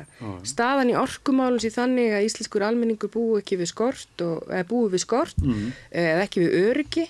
Um, orkumálin hafa í áratug verið hjá sjálfstæðsflokknum. Þeim eru Þannig að mér finnst það tekið stundum eins og þetta ráðhrendir Þeir þeir tekið bara þetta ekki inn í söguna, þeir muni kannski Já. að þeir voru alltaf að berja þess að fá báknið burt, en þeir byggur til báknið, sko. Þannig að þeim eru einhvern veginn tekist að narra þjóðina. já. Þeir byrtast alltaf eins og séu stjórnarastöðu. og, og tala einhvern veginn, þú veist, gagvart Reykjavíkuborg um einhverja stöðu og, er alltaf halli hjá þeim sjálfum en, en mér finnst bara líka þetta, þú veist, ríkistjórnin er með nægilega stóran meiri hluta eh, til þess að geta unnið, eh, ná þeim breytingum í gegn eh, sem Já. að hún vill ná í gegn. Við vitum auðvitað að þetta er ekki hérna ríkistjórn sem vinnur í, í í, í góðu samstarfi. Þannig að fyrst, það er bara orðið sjálfstætt vandamála það, þau eru með neitunarvald hvert á annað fyrir vikið gerist eiginlega ekkert en mér finnst því sjá þetta svo stert hjá ráðunum sjálfstæðisflokknum mér finnst þeir vera litlir í sér mér finnst þeir byrtast í fjölmjölum svona eins og einhver álitskjáur út í bæ tala um að þeir vilji hitt og þetta eh, ekkert að því einhvern veginn raungerist Má ég aðeins að því að tekja stinginu, að því að við vorum svolítið hérna við rauðaborðið að ræða þessi mál hælisleitindur hérna í vikunni og tókum svona fólk með ólíkar skoðanir. Tilfinningi sem ég fekk á eftir það var að, að, sumir og helst þeir sem að vilja sko hafa að mildi í þessum málum voru svona línu Þorgjara Katrínar um að þeir það vera þver pólitísk sátt í þessum stefnum En hínir sem að vilja hérna, hafa meiri hörku í þessum málum, ég heldur að hafa enga áhuga á þverrpolítikis þátt. Þeir ætla að vinna næstu kostningar til þess að ná sínum breytingu fram. Það er þessu- tilfengi sem ég hafði að þannig að viljinum að við leysum þetta ykkur í sátt, Já. hann er bara ekkit nei, það getur alveg verið og ég meina það er það sem ég nefni með hvað, hvað mér finnst merkilegt hvað umræðan er að treppast upp hratt Mjög rætt. eh, og það á að vera áhyggjefni fyrir alla um, en, en það að hún treppir svona hratt upp, ég meina ég held að það verði að skrifast svolítið á þá sem að hafa farið með völdin í þessum málaflokki þetta lengi hvernig þau hafa annars vegar stýrt og hins vegar, hins vegar talað. Auðvitað verður það aldrei þannig með eh, mál sem eru tilfinningarík, menn það er mikil, mikil sársöki í þessum málum og hérna, það verður aldrei þannig að allir verður 100% sammála og ég meina það er bara barnaskapur að trúa því. Það ásamt að vera hægt að búa til einhverju þá umgjörð að við eh, horfum til einhvers land sem við viljum bera okkur saman við. Eh, fólk eru bent á ákveðnríki í Norðurlandana, það hefur bent á Kanada og einhvern veginn að leysa úr þessu. Svo verða öfgarnar á sikkurum eh, endanum.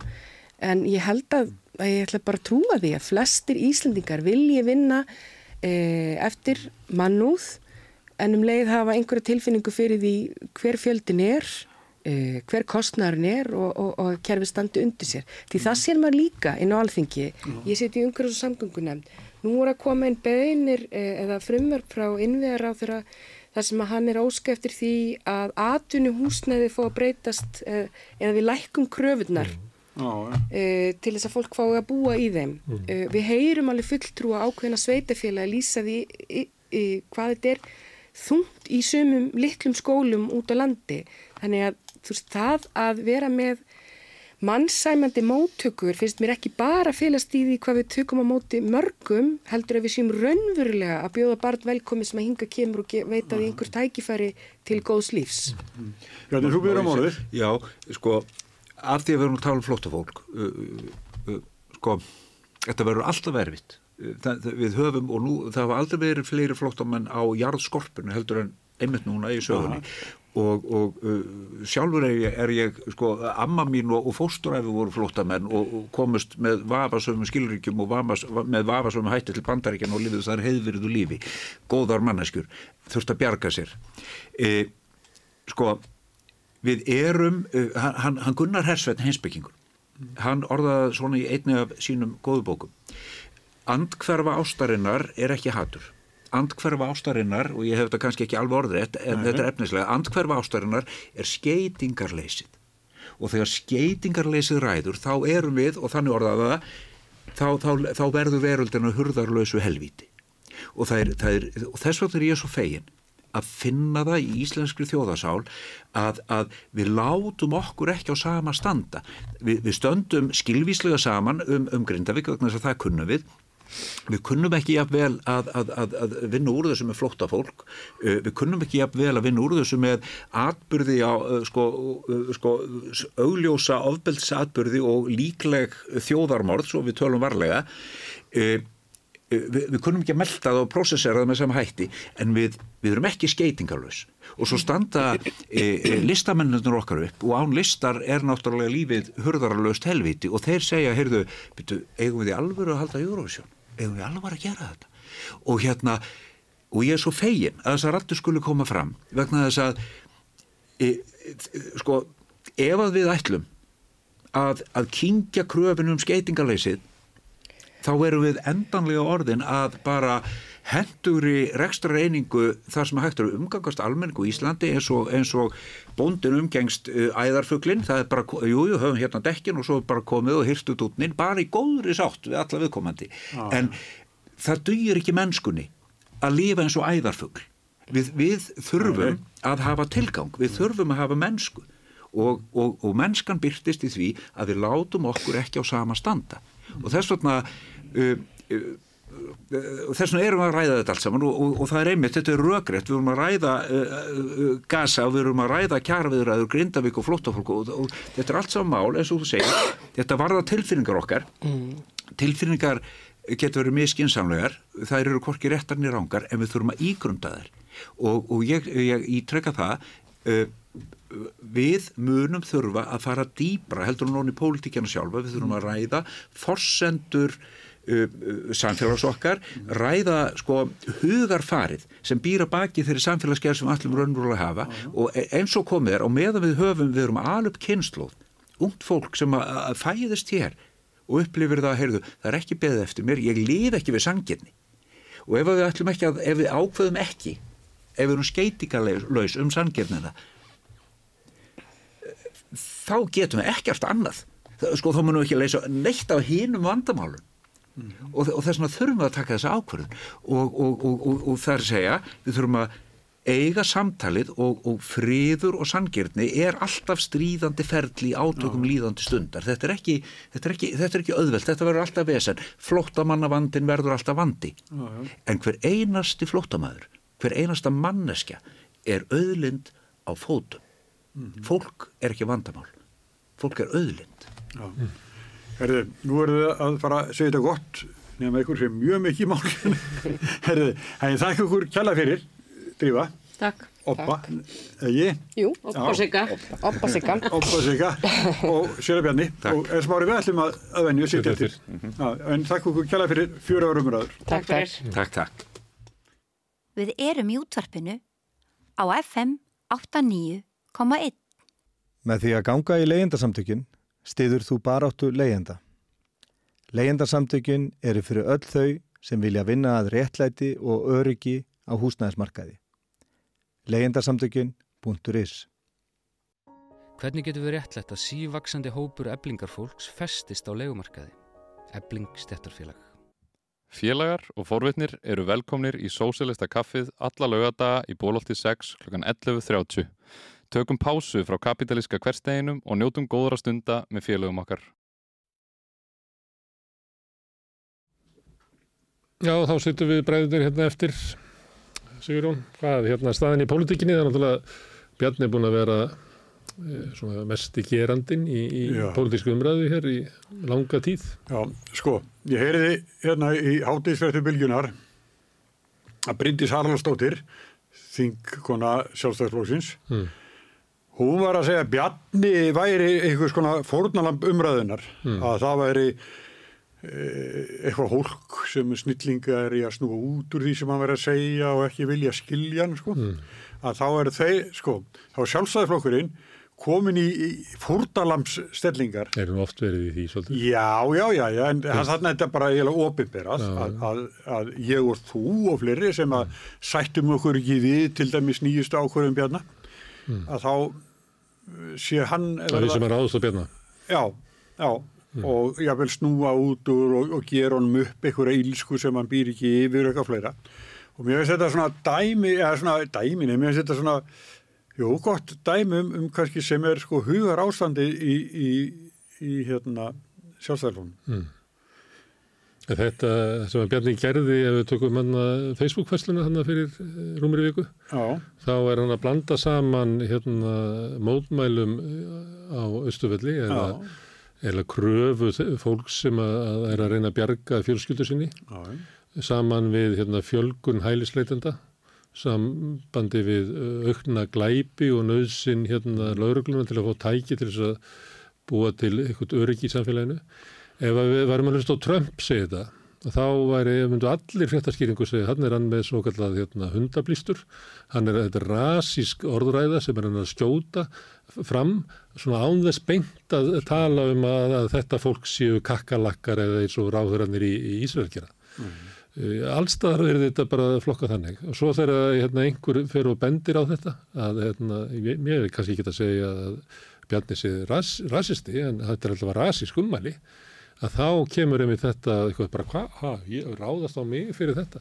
Já, já. Ég, þetta er bara, hérna, við getum ekki átt í samtal í, í nútímanum Mm. um þessi mál á þess að, að ræða bara sko í hverju sko rasísk ummæli felast því að það, þá er verið að af mennska hælisleitendur.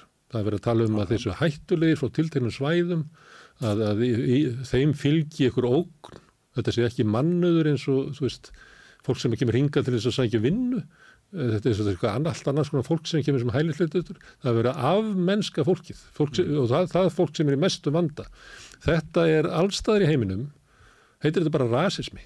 Já. Það er bara þannig. En svo kemur á sama tíma, kemur Áslögu Arna Sigurbjörnsdóttir og hún vil gera eitthvað Já. til að fólk sem að, að hefur mentað að koma í galt og ef það uppfyllir ekki alveg þær kröfur sem við gerum til sama nám sko, að það verði þá unnið úr því þannig að það geti fengið starfsréttindi hérna heima. En hún er náttúrulega líka í sjálfstæðarfólum. Já, já. En þetta er svona svolítið þvert á hina línuna sko. Veit ekki, sko, þetta er hérna, uh, þetta er náttúrulega hryllilegt mál. Það eru fólk sem hefur hérna, þurft að berjast fyrir því árum saman að fá viðurkenningu.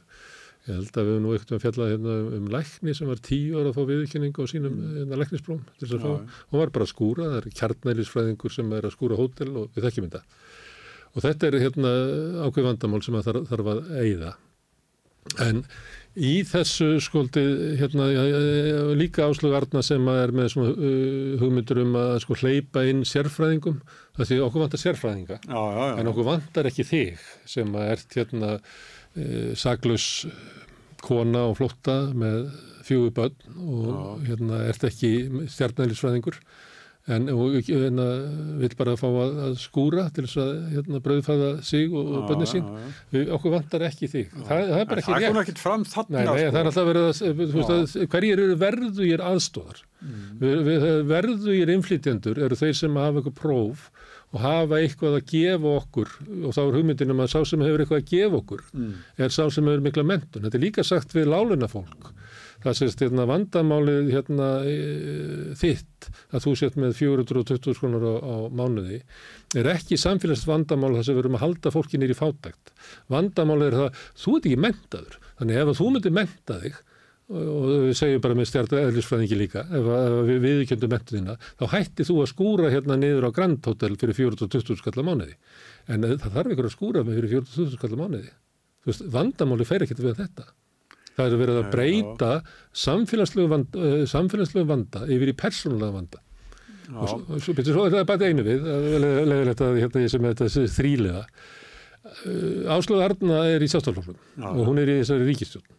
Þessi ríkistjórn rekur atvinnustöfnu sem er fólkin í því, eins og kom fram í samtalinu áðan, að það er ofþensla í ferðarþjónustu sem að kallar á gríðarlegan fjölda af, af hérna, uh, verkafólki sem er að vinna ófaglæð störf. Þetta er stefna ríkistjórnarinnar í atvinnumálum, það er að fjölga ófaglæðu störfum og uh, ofþensla ferðarþjónustunar hefur þau áhrif að það verður verðbólga hérna og ofþensla í hagkerfinu ha- og alltaf háir vextir sem að grafa undan rekstra skilirðum annara atvinnugreina meðan annars þeirra sem að stjarnælisfræðingunni getur hugsalega fengið vinnu hjá. Þannig að hún er að reyka stefnu sem að ítir undir sko þörf á, á hérna, fólki uh, sem, uh, án mentunar en er á sama tíma að segja eða lausnin sem þú ef við bara viðurkennum mentun hérna konuna sem er að, að skúra að þá verði eitthvað öðruvísi í samfélagi. Það er ekki þannig. Þú verður þá að reka atvinnustöfnu sem býr til hérna velunni störf. Smári, það er sko þessi saga sem er eh, sönn að það var hérna í fristihúsi út á landi að þar hérna brus, brotnaði eitthvað e, tæki sem að þeir nöðsilega bara var stopp Já. Og þeir urða að fá þetta tæki og það var til í útlöndum en það tæki svo og svo marga daga. Og þeir eru vandraðast yfir hvað ég var að gera, hvað ég var að gera. Þá segir einhver, hvað er að þú mentaður hann að pólverinn á, mm. á liftorum og ég veit ekki hvað og þá svo spurðu þeir liðan, þá er hann vélaverkfræðingur? Og honum er sínt þetta, getur þau smíðað þetta? Fyrir okkur, já, ég þetta, já, já. Og hann smíðar stikkið og fór svo bara áttur að lifta það það er eitthvað svona sko sem er bæði pína náttúrulega fyrir þann sem fær ekki viðkinn góð mentun sinni og eins líka sko eh, getur það líka verið sko, og farið í stöðu sem okkur vantar fólk í. Það er náttúrulega ekkert að því að vilja fá fólk sko alveg svo við viljum núna koma E- Airbnb íbúðunum af þessu, úr þessu sem þær eru núna og Lilja er að hækka skatta á þessar íbúður ætlar að gera það með einhverjum hætti Já, hún hefur reynda komið með yfirlýsingar um alls konar hluti áður sem Já, já, já, þetta er bara sem ég sá nú bara núna undir helgina, held ég. En nei, ég segi, sko, hugsunin, samankvöldum framkvæminn ekki, þá er hugsunin þessi að, að það er verið að þrengja að þeim sem að eins og, það er eitthvað að þrengja þeim sem mest eiga, en, en þessu Airbnb sem er komið langt út fyrir það sem var upphæðlega, sko, þá, var fólk að leia hluta af húsinu eða íbúin sem það bjóði sjálft. Mm. Þannig að ég, ætla, ég er eiginlega að segja það, þarna, mér finnst fínt að fólk getur fengið viðurkynningu á mentur sín. Alveg sama hvað það hafa allir flokkar haft það á stefnusskóðsynni að, að, að, að, tryggja það að, erlend mentun verði metin.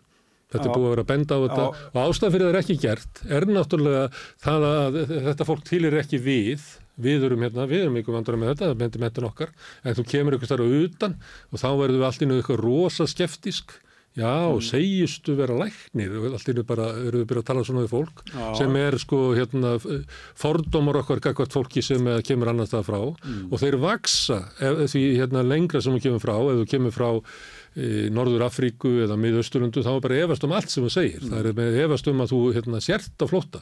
Það er raunverulega eftir ekki á flótta, heldur eftir bara einhvern veginn að svindla þér í gegnum hérna helgstættakilum. En svo, sko, síðast þegar ég fór með uh, lopa minn í, í, í spröður, Mm. að þá var dýralagnirinn uh, sem sagt frá Lítáen Mm. og ég man nú ekki hvað maðurinn hennar gerði, þeir eru búin að búa hérna einhver tíma Mm. og uh, hérna, og hún fekk strax vinnu að hún læriður dýralagnir. Mm. Og fekk prófið sitt metið. Já, greinilega, greinilega. En það eru læknar hérna á dýrarinn sem ekki fengið prófið sitt Já, já, já, já, já. En hún var allan að þannig að og þetta var alveg viss, virkilega geðu kona gaman að spjalla við hana og þau kunni mjög vel við að búa hér og þetta var bara hýnt, sko. Það er ávið um fólki sem kemur hingað. Það er að koma hingað því að vill búa hérna. Já, já. það er eitthvað svona uh, hafi byrjað, byrjað að eitra umræðin um það að það sé hérna annars vegar kemur fólk hingað hérna í, frá EES sem að vill búa hérna, leggur til samfélagsins og hérna er mikill mannöður. Hins vegar eru að koma hinga hælisleitendur sem er einhvern veginn allt annars konar fólk, það er að vera afmennska þetta fólk. Það er ekki að koma hinga vegna þess að það vil koma hinga til þess að vinna og, og byggja upp framtíð fyrir sig og börni sín. Nei, það er að koma hinga einhverjum annarlegum ástæðum. Við munum með hérna, fólki sem kemur hinga til þess að vinna, að við munum græða á því. Fólki sem hinga að koma sem hælisleitendur, við munum tapa á því. Þetta verður eilíf byrði og að mörguleiti, af því að þetta er fólk sem er utan EES og hins vegar fólk sem er innan EES, þetta er fólk sem er líkar okkur í útliti Þetta er fólk sem er kannski aðeins hérna, öðruvís á litin eða, alveg upp í annars konar trúabröðum en er nákvæmlega eins og við. Það er bara fólk eins og við sem að þráir ekkert heitara en að búa eitthvað starf í öryggi og geta brauðfætt sig og sína fjölskyldu og byggt sér eitthvað framtíð, vera laus við ofsóknir og laus við stríð. Þá segi ég, heyr, alveg þessum. En það er verið að halda þið fram hér að þetta, við höfum okkur berið sérstaklega var okkur á þessu fólki. Ekki það að þetta sem mannöður sem að hingar að koma við um að fagna því, bara frábært fyrir hérna, Íslands samfélag að fá fólk hérna á, á, á, uh, hérna, á vinnualdri.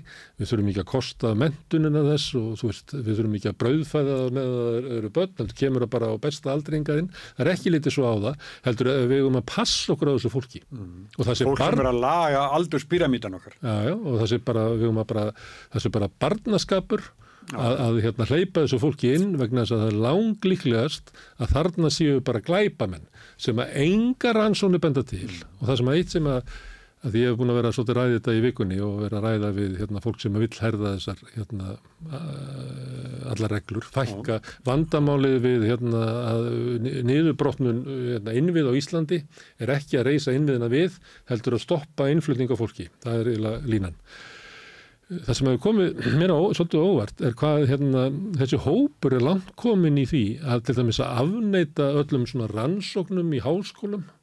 Það er, bara, hérna, það er alltaf eitthvað, bara eitthvað svona líi, það er verið að hérna, þess að við séum einhverju samsæri sko háskólana og einhverja vinstrimanna og, og þeir sem hafa mest vitað þess að hafa unni með hjálp við, við hérna, aðstofi flotta fólk bæði hér heima og átakasvæðum að þá er sagt þú hefur þú ekki vinnu að þessu, að við fengja sko hérna að, að þau sem er réttmæta sko þekk, reynslu og þekkingu.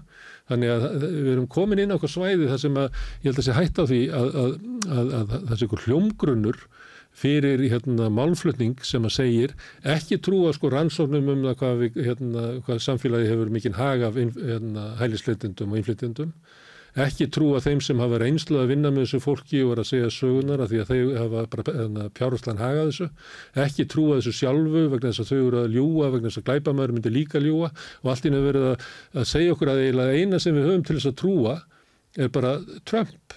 Og þá hafa við bara komin í nákvæmlega sömu stöðu bandaríkjum en að allar staðrindir sem er laður á, á borðið eru bara fake news. Við, hérna, við, og ég, ég verið hérna lengi og fylgst með umræðinni og mér finnst að við höfum tekið sko í svona bara átjón skref í aftina þessu á síðustu svona tíu dögum. Tíu dögum? Já, Já. eftir að þess að hérna fæsla kom, Já. að þá finnst mér bara hérna hvað er sagt og hvernig það er sagt hérna að bara umbrist. Já. Og í þessu fælst að það er alveg sama hvað tölur laður á borð, ég til dæmis sagði það að við fækkað hérna flottafólki, þessu tælisleitindum. Það er svo, já það er út af Venezuela, nei nei, ég tók tillitið þess, það er ekki. Að það er bara, það er bara, þú veist, það er bara, það er bara vilja að hérna þessi stjórnleysum landamærunum að við sem að sligast undan þessu, að allur kostnæðurinn við ónýtt kerfi sem að þau byggu til, að það er náttúrulega kostnæður við kerfið er okkar, ekki flottahóksins, að því við erum að láta það vera hérna heilt ára að með að vinna fyrir sér. Þú veist, allt sem að stangast á við ykkur svona fullirðingar um það að okkur standi ógna fólki sem að hinga kemur, sem er mjög fátt fólk Það eru 470 miljónir manna inn í ES sem vaknaði morgun og tók ákvörðunum að flytja ekki til Íslands. Þannig það er ekki þannig að hérna þessu ykkur flóðgáttur af fólki að koma. Allt sem Nei, að stangast á þetta, allt sem að stangast á þetta, að það er bara hérna á að bara að grafa undan því. Að ég sá svona ljóstýru, eitthvað á nú að gera. Þannig að það er talað um ástöðurinn. Ég sá ljóstýru sko. Já og sem óneindalega er. En, en svo er þetta sem þú ert að segja núna að það er búið að hleypa þessari umræðu í mikið meiri hörkvöldir nokkuð nöðsynni til. Og, og þeir sem eru lagðir á stað þennan veg þeir snúa, þeir eigi eiginlega ekki afturkvæmt. Þá er það um sjálfstæðilóki og þeir eigi ekki afturkvæmt sko. þeir eru farnir þennan, þennan veg sem að uh, fjöldi fólks bara fyrirlítur En þeir eru þar í kongurúr. En Áslug Arna tók þáttir í með unglegum sjóþarflóksins fyrir nokkrum árum á, á eh, landsfundi sjóþarflóksins að hafna því að fara þessa leið. Já, já. En hvað er það fólk núna? Er það bara búið að þagna og, og búið að geta hérna áróðurinn sem að ég meina sjáu bara sósíaldemokrata í, í Danmörku að þeir hérna tóku upp eh, útlendingastefnu sjóðarflóksins eh, og farnaðist vel sem er ekki rétt. Þess að sko krötunum hérna þeir unnu eina kostningar en þeir, þeim er ekki að fara þessu vel. Þetta nei. nei. Varst ekki með einn úr þessum hópi viðtali í vikunni, Jón Gunnarsson. Jón Gunnarsson og ég fekk Stefán Einar og ég fekk uh, Bergþór Ólason. Það er hérna, hérna við rauðaborðið þá heyrast allar rattir af því að við sósialistarnir óttust ekki líðræðið og opna umræðu, auðvitað það sem að gerist við það Herðið, talan um það, ég, ég hérna fenn nú lítið í, í vestanir en ég gerði það þó í lók sístu viku og þar koma til mér hjón sko, mm. sem ég tekki ekki neitt sko, en uh, þau áttu ekki orði yfir samstöðina mm. uh, og, og hérna já, áttu ekki orði yfir samstöðina en, en samstöðin var hérna, þau tölu líkum heimi best. Mm. en áskrifundu þar. En, en það, það sko það er bara, nú voruð heima í okkur þetta er eftirlauna fólk mm. og það er það bara, er horfaðu mm. mikið á samstöðuna mm. Ég heyri þetta, ég lappa heim hérna niður laugavegin og, og uh, ég er alltaf stoppaður. já, já. Og það sem að því að sérstaklega núna maður verður varfið að því við erum komin yfir í sjónvarpið hjá þeim sem að fá sjónvarpið sittur á símanum. Já, en eh, hvernig með hina? Hinna. Eins og uh, sín og, og Já, Vodafone og ja, það er í, hérna, það er allt í ykkur vinslu hjá þeim. Ég, segi bara, vonandi munu þessi fjarskiptafyrirtæki bjóða sínu viðskiptafinum upp á samstöðuna eins og síminn tók ákvörðunum að gera. já, Það hlýtur að koma. en haldaði að hérna, er eitthvað tekið frá þeim? Ha. Óttastu það? Að eh, sem eh, fá samstöðuna frýtt þarna að missi áskrifendu, er eitthvað svolítið sótt heldur? Nei, ég bara veit ekkert um hvað þetta snýst. Nei. Kannski er þetta bara, ég veit ekki, þetta er, þetta er ekki mikið að íslensku sjónastöðum, en mér finnst það bara eiginlega fáránlegt að, að, að þau skulu ekki bjóða sínum viðskiptafinum upp á Já. þetta litla íslenska sjónvarp sem er til. Já, já, hafi ekki eins og nátt að segja á því að það er tilvæg, það er allan, ekki sagt fréttir að því. Nei, og ég held að þetta bara spyrjist ágætl út, ég held að við Já. samstöðinir engum ímyndavanda eða svoleiðis, ég held að allir séu bara, sem að nota þetta eru bara þakkláttir og þeir sem að finnst þetta ekki skemmtilegt, þeir bara horfa á eitthvað annað, þannig að við erum ekki fyrir neinum heldur. Nei, nei, nei, nei, nei, nema ef að ykkur er óttast að, að eh, segi upp stöðfu eða eitthvað eða fá þetta. Ég, ég, ég veit ekki, ég þór ekkert að hugsa, ég held að við ekkert neitt í líkingu við stöð 2, það er eiginlega sko, Já, þetta er bara svo ólíkt fyrirbriðið að ég, ég myndi ekki til að, en einn, einn af kostunum er það að þetta er ekki línuleg dagskrá. já, Að, að þetta sé ekki línuleg dagskrá, bara eins og um þennan þátt í okkur já, á sunnundum, að þá sko miðum við við svona 50 mínútur eitthvað svolítið sko, Já. þarna vettvangi dagsins. held ég við höfum farið í 70 mínútur núna Já. og við vorum ekkert í eigðilegin eina dasgrá fyrirfram útgefnan dasgrá Ég held að hérna, fólk bara dettur inn og horfir og svo dettur á út, þetta er svona svipað í útvarpinu, þú ert að keira, þú ert ekki alltaf að, að skoða hvað er á dasgrá, þú bara kíkir inn, annarkvæmt líkar þetta og þá dveluru, annars verður bara eitthvað annað. En áðan glimti ég einu sem er algjönd hérna. Já, það er að segja nöfnin fyrir þau sem uh, eru með hlusta á okkur í útvarpinu. Já, og það er nokkru sem ég hef hitt einmitt sem að segja ég sest ekki upp í bílinn öðru sem ég hlusta á samstöðun já, já. Það Já, er við fólk- verum alveg varfið að það er eitthvað að hlusta það núti. já, já, Nema, ég, ég, nema uh, Sigur Jón bróður minn, já, nema þú ætlar að halda áfram að tala um okkur, að þá náttúrulega missum við á vor. nú okkur nei, nei, ég segi það, en við ættum kannski að fara að skipta okkur yfir í, í, í viðtöl við um önnum mál. heldur en þetta. Já, já, ég bara, hvað er þetta er bara, þetta er svo sætt maður, samstöðin og, og, og bara segja frá hérna jákvæðin viðbröðum, ég veist það bara Já, já. fínt. En þú allar Það hvað, það er gott að þú gerir það. Herði, ég ætla að, hérna, er ég- hérna, ég tók upp áður en þáttur var, eh, samtal sem ég áttu við hérna Helena Ólafsdóttur, sem ég stundu tala við áður, um hérna ákvörðum Bjarna. Hún er, hún er uh, sérfræðingur í málinu, hún er, hérna, hefur, er öryggisrákjafi og starfað mikið með saminni þónu, verið á átakasvæðum út um allan heim, þannig að mér var stæðilegt að bera þetta undir hana. Og þegar að, hérna, uh, að því loknu, að þá kemur hún Þórdís Ingadóttir sem er lagaprófessor við Háskólan í Reykjavík og ég ætla að fara með henni yfir úrskurð alþjóðadómstólsins og þannig að við skiljum hvað var í húfi já, og hvað það merkir. það er mikið framöndan. Það er mikið rumdur. Herðu, það sláum að þráðum til hennar Helenar.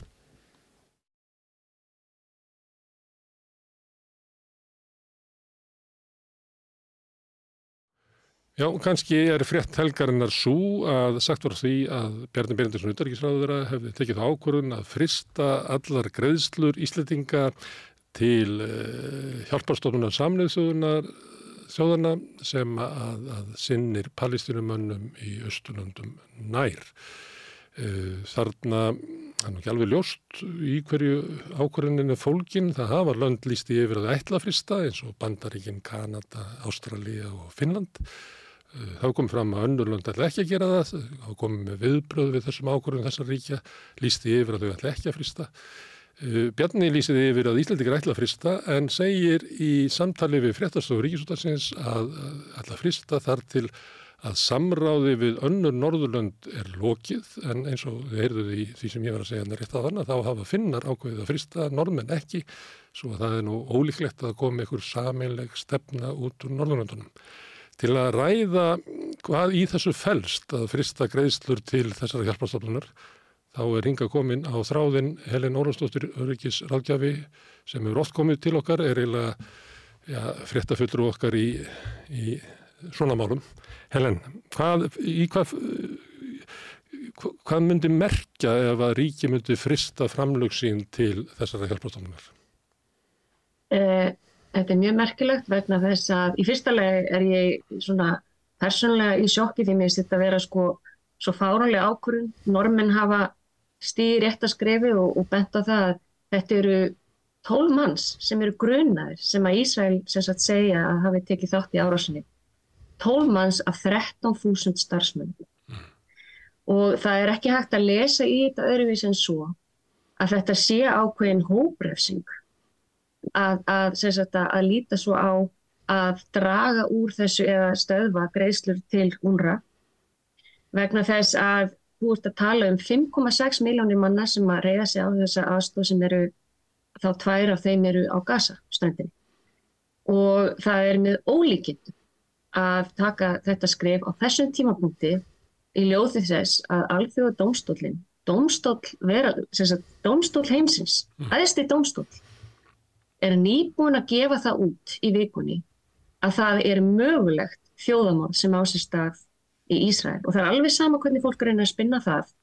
Bara það að rétturinn hafi ekki hent málinu út og lítur svo á að það sé mögulegt þjóðamál og gerir alveg mjög skýr ákvaðið um það að Ísraelar verði að taka ákveðinskrif þar á meðal er sérstakt ákvaðum það að þeir þurfi að beita sér fyrir því að opna fyrir alla hjálpar aðstóð inn á svæðið með þetta saman.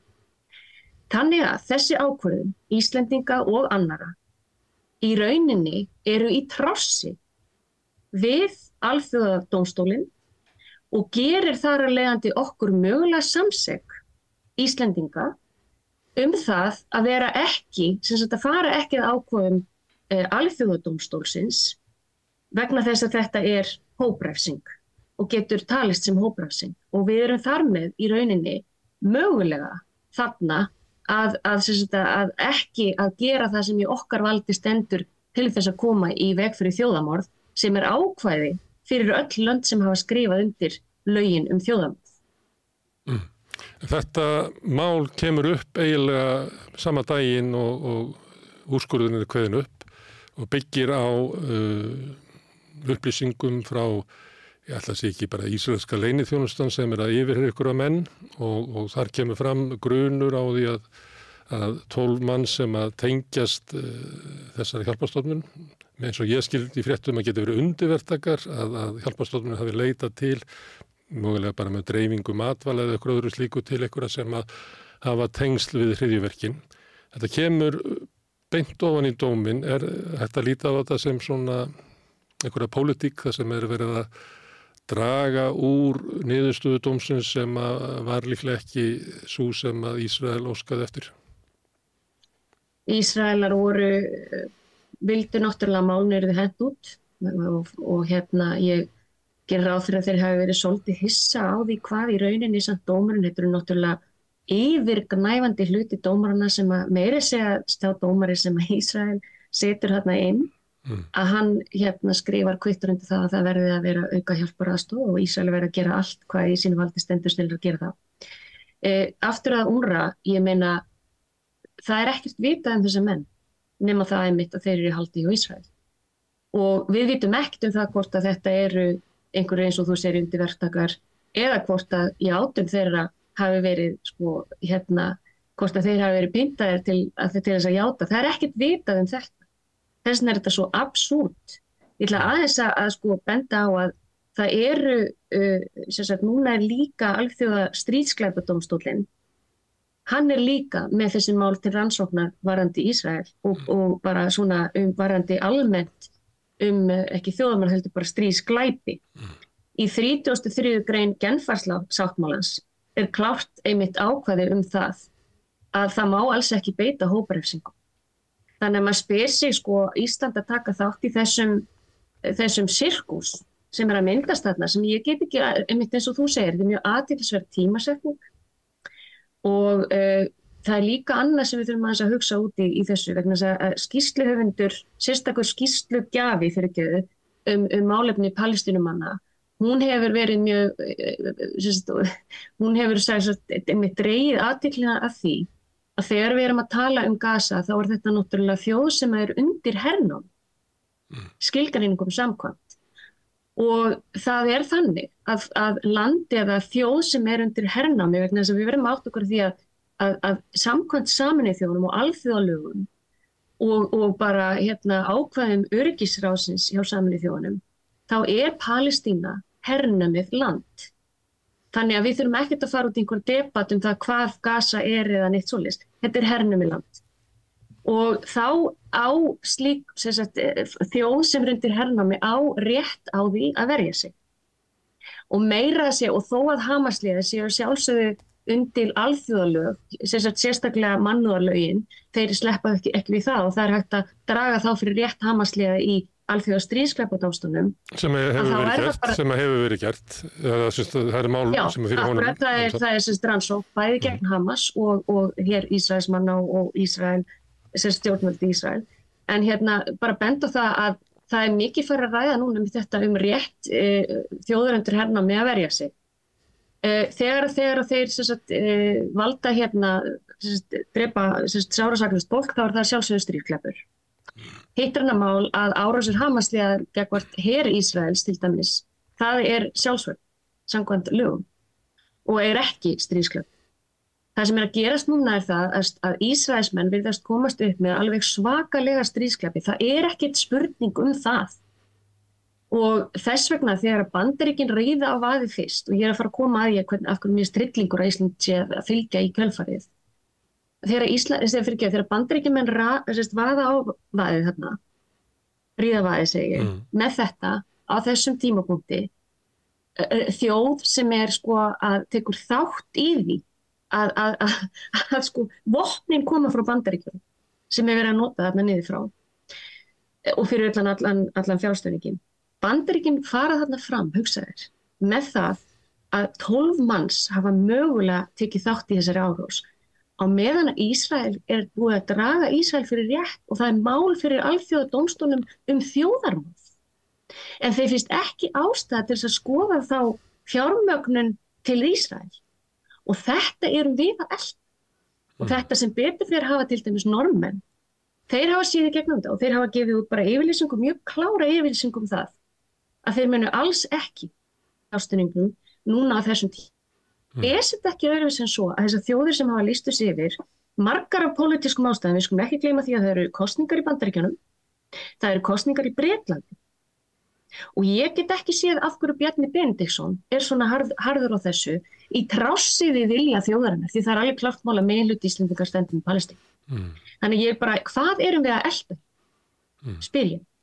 Nú hefur Ísraels stjórn og stuðningsmenn þeirra á Vesturöndum ekki gett neitt greinamun á hernaðararmi, Hamas og svona stjórnmálarlegum. Uh, Hamas uh, er vannkostningar á Gaza og stýrið þar raunverulega ja, öllum svona grunni innviðum og er möguleiki fyrir hjálparstofnun samlega þjóðana að stunda þannig hjálparstarf án þess að vera nokkuð tíman í samskiptum við Hamas sem að samkvæmt skoðanakonum nýlegum sem að máli taka marka á að 70% íbúa á gasa stiðja. Já, ég, þetta er einmitt mjög gott hérna á nefnir þetta vegna þess að þú getur ekkert Hamas var hérna fyrir stjórn, Hamas er yfir hérna Mm. Og þetta er alveg rétt. Það eru langt flestir sem að sko e, e, Ísraelar myndi segja að teljast til Hamas að, þetta er bara ofnbæri starfsmenn, skilju. Mm. Og, og þess vegna, ég veit ekki þess að segja hvað er þessi tól manns hvaðan og hvað að gera þeir koma. En mest allt er þetta bara einhverju ofnbæri starfsmenn. Þetta eru kennslu, þetta eru, þetta eru kennarar, þetta eru sjúkarlegar, þetta eru bílistjórar. Veist, þessi 13.000 mann sem eru í vinnu þarna, þetta er bara partur að því vegna þess að það, sko, þetta er hernuminn þjóð og ástandi á Gaza fyrir þessa ára 7. oktober var skelvilegt og það er talað um það að börnin á Gaza sem hafa verið fyrir tíðum árásum Ísraels hers að, að þau eru algjörlega í tróma þannig að þessi, þessi, þessi árás hamasliða sem kemur hérna 7. oktober eh, kemur frá þjóð sem er búin að vera undir konstant tróma í fleiri fleiri ár, í tvo áratvíðum stíð 16 ára held ég allavega.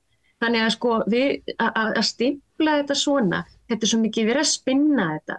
Og það er í rauninni ákveðin sko, það sem manni fyrst ræðilt er það van, hvað fólk vanskilur, skilur ekki hvað er að gerast á gasa. Það er alls ekki nóga, þetta er fyrir sjöndokkur, það var alls ekki nóga vatn fyrir fólk. Það er engin, sko, aðtunleysi er gríðalegt og, og ástandið er að langt flestir, 80% af fólkinu sem býr á gasa reyði sig á hjálparaðstof vegna þess að þeir eru undir hernámi og herrkví, alveglega herrkví. Núna þá er hungursneið. Það er að segja að stór hluti íbúan á gasa er að upplifa nú, nú þegar hungursneið. Að alþjóða samfélagi, altså ég ætla, ég ætla að gera það svolítið tím, þetta, þetta er aftur snýrið þetta svolítið að þessu. Það er ekkert glóbal söður ríki sem að hefur að sjálfsögðu hætt því að borga til húnrað. Þetta virkar svolítið á okkur eins og þetta séu þessi nýlendu löndin hérna, mm. uh, Global North vaði þarna fram með þessum hætti sem hafa alltaf sagt frá, frá 7. oktober, já við stýðum við Ísæl, við stýðum við Ísæl, en nú er þjóða, það er mál fyrir alþjóða domstólunum um þjóðarmóð.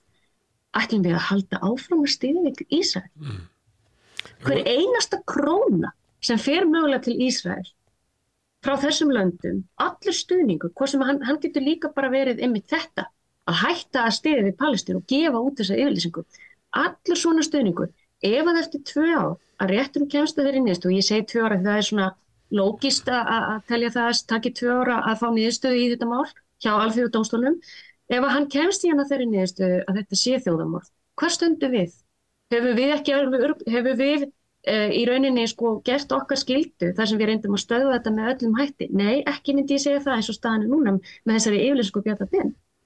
Þannig að við, við verðum að, við verðum að hugsa. Er þetta ekki meira en það? Er þetta ekki meira en það? Því að eitt er að standa hjá og gera ekki neitt, annað er að hætta aðstóð til fólk sem að uh, alþjóðdómsdólinn segir að sé mögulega uh, fórnalum sjóðamors en augljóslega og allir er saman um það að standi frammi fyrir hungursneið og þá tókum Já. við þá ákverðun að hérna, hætta aðstóð þetta fólk. Já, við erum bara að hjálpa Ísraela að, sjá til þess að fólki þarna svelti eða mm. eða, eða, eða, eða sagt, hérna, já, degir hreinlega bara hvort sem það er vósbúið eða sprengingum og, no, og svo er annað, það er ekkert breyst ég er búin að vera að horfa núna á og fylgjast með hvað Ísrael er að gera, það er engin breyting á því og þeir þurfa eftir mánuð að skila skýslu til alþjóðadómstólsins það er það sem þeir sína fram á að það, þeir hafi sagt, breytt stefnu sinni og gjörðum sínum og gasa. Það er engin að sjá það, ekki mm. nokkuð maður. Þannig að við munum sjá eftir, spurningin er hvað gerist eftir mánuð, hvað mun alþjóða dómstólinn gera ef hann fær skýslu en veit hins vegar að það hefur kannski ekki verið gert neyn tilrönd til þess að fara eftir, þetta eru bindandi ákvarðanir, mm. þess að alþjóða dómstólsins. Ef að eftir mánuð að dómstólinn sér að Ísraelsmenn hafi ekki sagt, gert það sem þeim var sagt að gera, uh, þá er spurning hvað dómstólinn gerir. Mm. Dómstólinn getur tekið bara ákvarðin þá, aðra ákvarðin þá og það geta verið þessi bráðabyrja ákvæði, þetta voru bráðabyrja ákvæði. Það sem að menn voru rosalega svona, fólk vildi sjá frá dómstofnum að það er sem sagt hérna bráðabyrja ákvæði um hérna að, að Ísæla yrði að hætta öllum sagt hérna hætta þessu stríði að það í vopnandi. En það er svolítið erf vegna þess að alþjóðdómstofnin er náttúrulega ekki með uh, umdæmi yfir Hamas. Hamas er ekki land og alþjóðadómstólinn er sem sagt dómstól sem er mm. milli ríkja. Mm. Þannig að máli er á milli Söður Afríku og Ísrael en ekki Hamas, því Hamas er ekki aðli. Þannig að það er í rauninni hægt að segja að það var mjög erfitt fyrir dómstólinn anyways að, að leggja til að það eru vopnarlið þar sem að náttúrulega Hamasliðar eru partur á stríðin. Mm, þá eru úrskurðið þannig að Ísraelsmenn eru að leggja niður vopn en svo krafa gæti ekki verið lögð fram Hamas og það var eiginlega óásættalegt fyrir bara stöðuna? Já, þetta, þetta er snúið vegna þess að þetta, þetta snýst bara um umdæfi en margir telja að, að þessi alþjóðadómstól, hann fór eins langt og hann hreinlega gatt í fyrstu tilrum. Við ætlum að ræða hér eh, dómin eh, við Anna Þordísi Ingadóttur, lagaprofessor hér á eftir en það er eitt sem að við langar að spyrja þig Helen áður en við hættum. Það er hérna uh, daginn þegar úrskurðun kom frá alþjóðadómstólum, þá kom yfirlýsingur á Bjarnabindisinn að Íslendingar myndu ég man ekki hvernig það var uh, virða niðurstöðuna. Í niðurstöðunum, uh, í úrskurðunum kemur fram annars verða að hætta að, að drepa saklust uh, fólk en hins vegar um það að það verði að koma inn hjálparstarf strax. Með þessu að taka þátt í því að draga hjálparstarf eða, eða stuðningu hjálparstarfi tilbaka að þá er Ísland og Benni Brettinsson raunverulega ekki að virða niðurstuna. Akkurat, þetta er, þetta er akkurat punkturinn og ég myndi líka spyrja hver tekur þessa ákvörðun? Þá kann hann að sér, einn og sér. Hvar er þessi ákvörðun tekið? Hefur hann virkilega vald til þess að taka þessa ákvörðun fyrir okkar hönd í svona stóru máli? Þar sem við erum að tala um skuldbyggina okkar á alþjóða vísu, hvað verða lögin um þjóðan? Það fann nú einhver að fara aðeins tjekka á þessum verkferðlum að nýri utarrikiðsraðan. Þetta var sama klessan hérna þegar það er ákvöðað að sitja hjá. Það var nú meira blöndurinn og, og hvernig var það? Það var bara einhver einn maður sem tók það bara í einhverju svona eh, omgóinni ferli og enginn þóttist vita neitt. Hver tók þessa ákvöðun? Ég er bara að fá botni í það. Ég, ég get ekki ímynda mér að starfsfólk utarrikiðsraðanettisins sé sátt við þetta. Ég menna fólk sem þekkir alþjóðlegin og, og, og ég veit að við höfum virkilega verið alltaf að steyðja við palestinumenn. Ég get ekki ímynda mér að fólki, í, bara á fórsettisára, Katrín Jakobsdóttir, er, tók hún þátt í þessari ákvörðin? Ég vil fá, fá svör við þessu. Hmm. Við skulum reyna að ná því fram hérna á samstöðinni, sjáum til hvernig það gengur, en heilun kæra þakki fyrir að koma hingað inn í svona flugumynd í gegnum síman og við ætlum að halda áfram um fjölun okkar um uh, úrskurð alþjóðdómstólsins hér eftir öllstutt hlýja. Þá kemur hún Þórti Singatóttir sem er lagaprofessor við Háskólan í Reykjavík. Ögnablík. Húsnæðiskostnaður tegur meira en helming á ráðstöðuna tekjum verkafólks í eblingu. Hvernig er þetta réttlæta það? Ebling stjættafélag.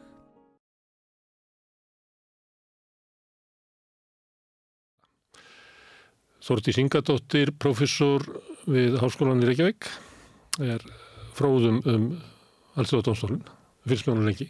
Nú ætla ég bara að fá eh, svona hjálp frá þau til að skilja hvað þetta er, hvað er sem er að gerast. Og kannski ef við bara byrjum á, á, á domstólnum, hvað er það, hver er svona lögsaga hans, hvaða mál tekur hann fyrir og hvaða, svona, hvaða fyrirbríð þetta er. Af því að Já. þetta er ekki alveg svona, við erum ekki að hugsa um þetta alltaf daga. Nei, nákvæmlega. Og hérna, sko, allþjóða domstólinn í hag, svo sem var að fjalla hennar úrskurð núna á fastdæginn, Þetta er eina aðalstofnunum saminuð þjóðana mm. og hérna og er bara í hærarkinu hliðin á hérna örgisræðinu og allsræðinginu og þar. Og þetta er milliríkja domstól sem var barist mikið fyrir á sínu tíma strax frá 1899 að koma á milliríkja domstól föstum einmitt til að vera til staðar þegar stríð brjótast út.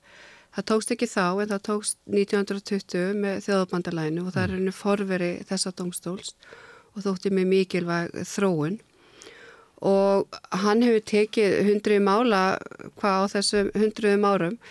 En það má kannski segja í dag hafa hann aldrei verið eins uh, eða svona notið eins mikið traust það er um 20 mál núna fyrir domstólum, ég held mm. að yfir 100 ríki koma að þeim málu með einum öðrum hætti.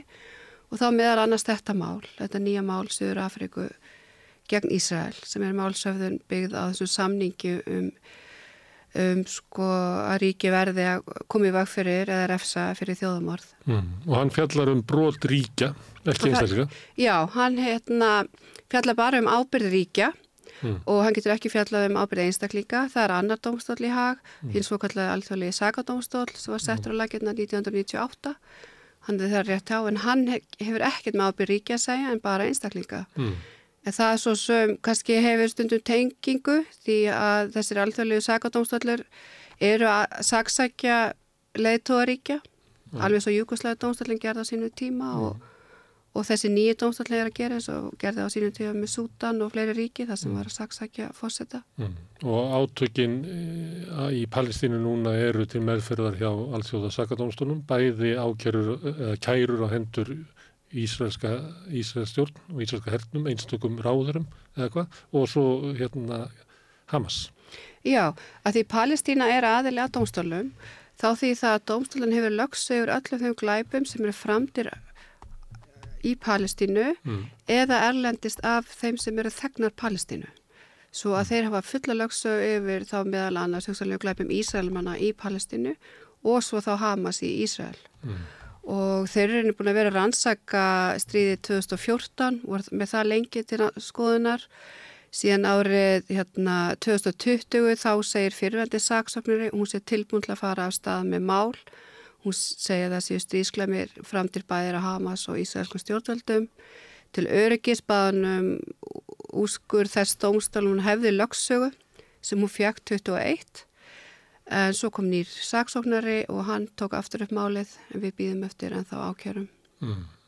og þeir eru rauninni geta sakstátt og fyrir þrjá glæpi í þessu sambandi þá þjóðamorð glæpi gegn mannkinni eða stríðsklæpi mm. og þá eru einstaklingar dæmdir er bara einstaklingar mm.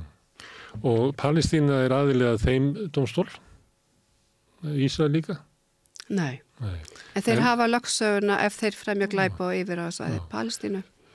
En Palestína er ekki aðili að alþjóða domstólum þar sem að það er ekki viðukent ríki af nógumörgum. Það er áhörna fulltrúi. En Ísrael er aðila því. Já.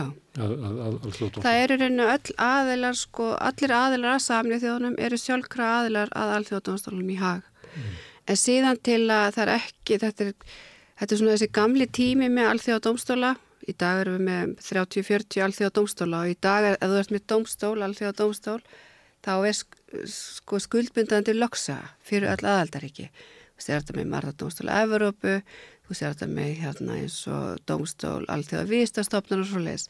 Á þessum tíma þegar erum að skapa þennan dómstól, þá var bara alþjóða lögin ekki komið það langt og svo það er ennþá þannig loksan skuldbindi þannig að þú þarfst að samþykja loksöguna og þá var svo málamili gerð að ríki var frjálst að gefa út yfirlýsingu að þau samþjóttu öll mál gagvart sér mm. frá löndu sem var gefið samskonu yfirlýsingu en enn þann dag í dag er bara eitthvað um 80 ríki sem hafa gefið út slíka yfirlýsingu Ísland hefur ekki gert það, öll önnu Norrlönd mm. en ef þú ert ekki með slíkar yfirlýsingar þá ertu með þessa sáttmála og það er það sem er fossað þessa máls að því í þessum gamla samniki frá 48 er ákvæðið sem segir ef það er deila um framfyllt þessa samning þá skal allþjóða domstallin í hafa hafa lögsögu. Mm. Svo þannig fer málið inn. Þessan er málið ekki að fara inn til dæmis til að á grundalli mannúðalaga eða eitthvað annað sem er svona kannski verið auðvildari efnislegri meðferð. Mm. Varðandi að þetta fjallar um, um brot ríkja og uh, Palestína er ekki viðkendarlandi, var ekki að höfða mál gegn uh, palestínskri stjórn þarna inni og þó svo að það væri þá væri það líklega stjórnun á Vestubakkanum en ekki Hamas. Já. Já. Þannig að það er eiginlega, Hamas getur ekki verið til meðferðar í þessu stjórnstóli. Það er náttúrulega alveg hægt að fara til löffrar pælingar í því sko að þeir eru náttúrulega, eru kostnir þar inn og eru rauninni með sko, stjórnun á því svæði mm. og það, þú veist, þegar þú er komin með viðurkenning og stjórna okkur svæði en, það, en svo kemur aftur þeirra að hafa takmarkað stjórnasvæðinu út af mm. að þeir ráða ekki hérna, landamærum svæðinsins mm. eða annað. Og þeir sem að myndu vilja uh, kæra þá, myndu líklega ekki vilja veita um þann sess að vera hérna, talsmenn palestísku þjóðunar. Já, nákvæmlega. Þannig að það er bara eftir Ísrael og það er hérna Suður Afríka sem að kæri þá. Já. Og fyrir hvað? Þeir í rauninni nýta sér þannig sáttmóla því það er loksaga.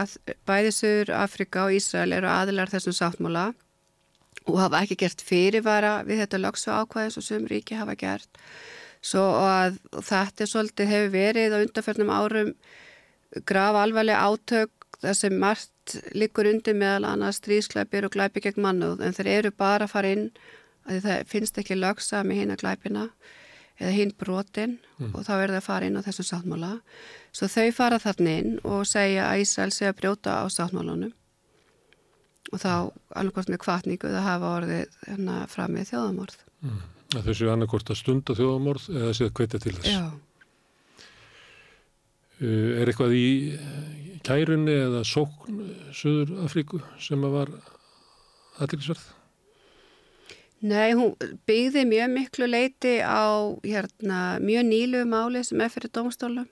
Það mál Gambíu gegn Mæjamar mm. vegna brota eða ætlar brota Mæjamar gegn Róhinja ættafloknum mm. sem er í Mæjamar og það var mjög mikið sömu kröfur og í því máli og það er glænitt mál og domstólar eru íhalsamir, mjög íhalsamir og hvað þá á domstólar svo þeir vita hver fordamin er og svo framvegis svo að það var svolítið mikið byggt fannst mér á þeirri uh, málatilbúnaði þar. Hvernig fór það mál? Uh, Það er bara glænýtt, það, það er bara ennþá í málsmeðferð, það kom í fyrra þar bráðabörða úrskurður, gagvart Mæjamar sem er mjög svipar þessum um að Mæjamar er það, er það tryggja það að það væri ekki verið að hvetja til að fremja þjóðamorð og gæta þess tango til aðal efnismeðferðin fyrir fram.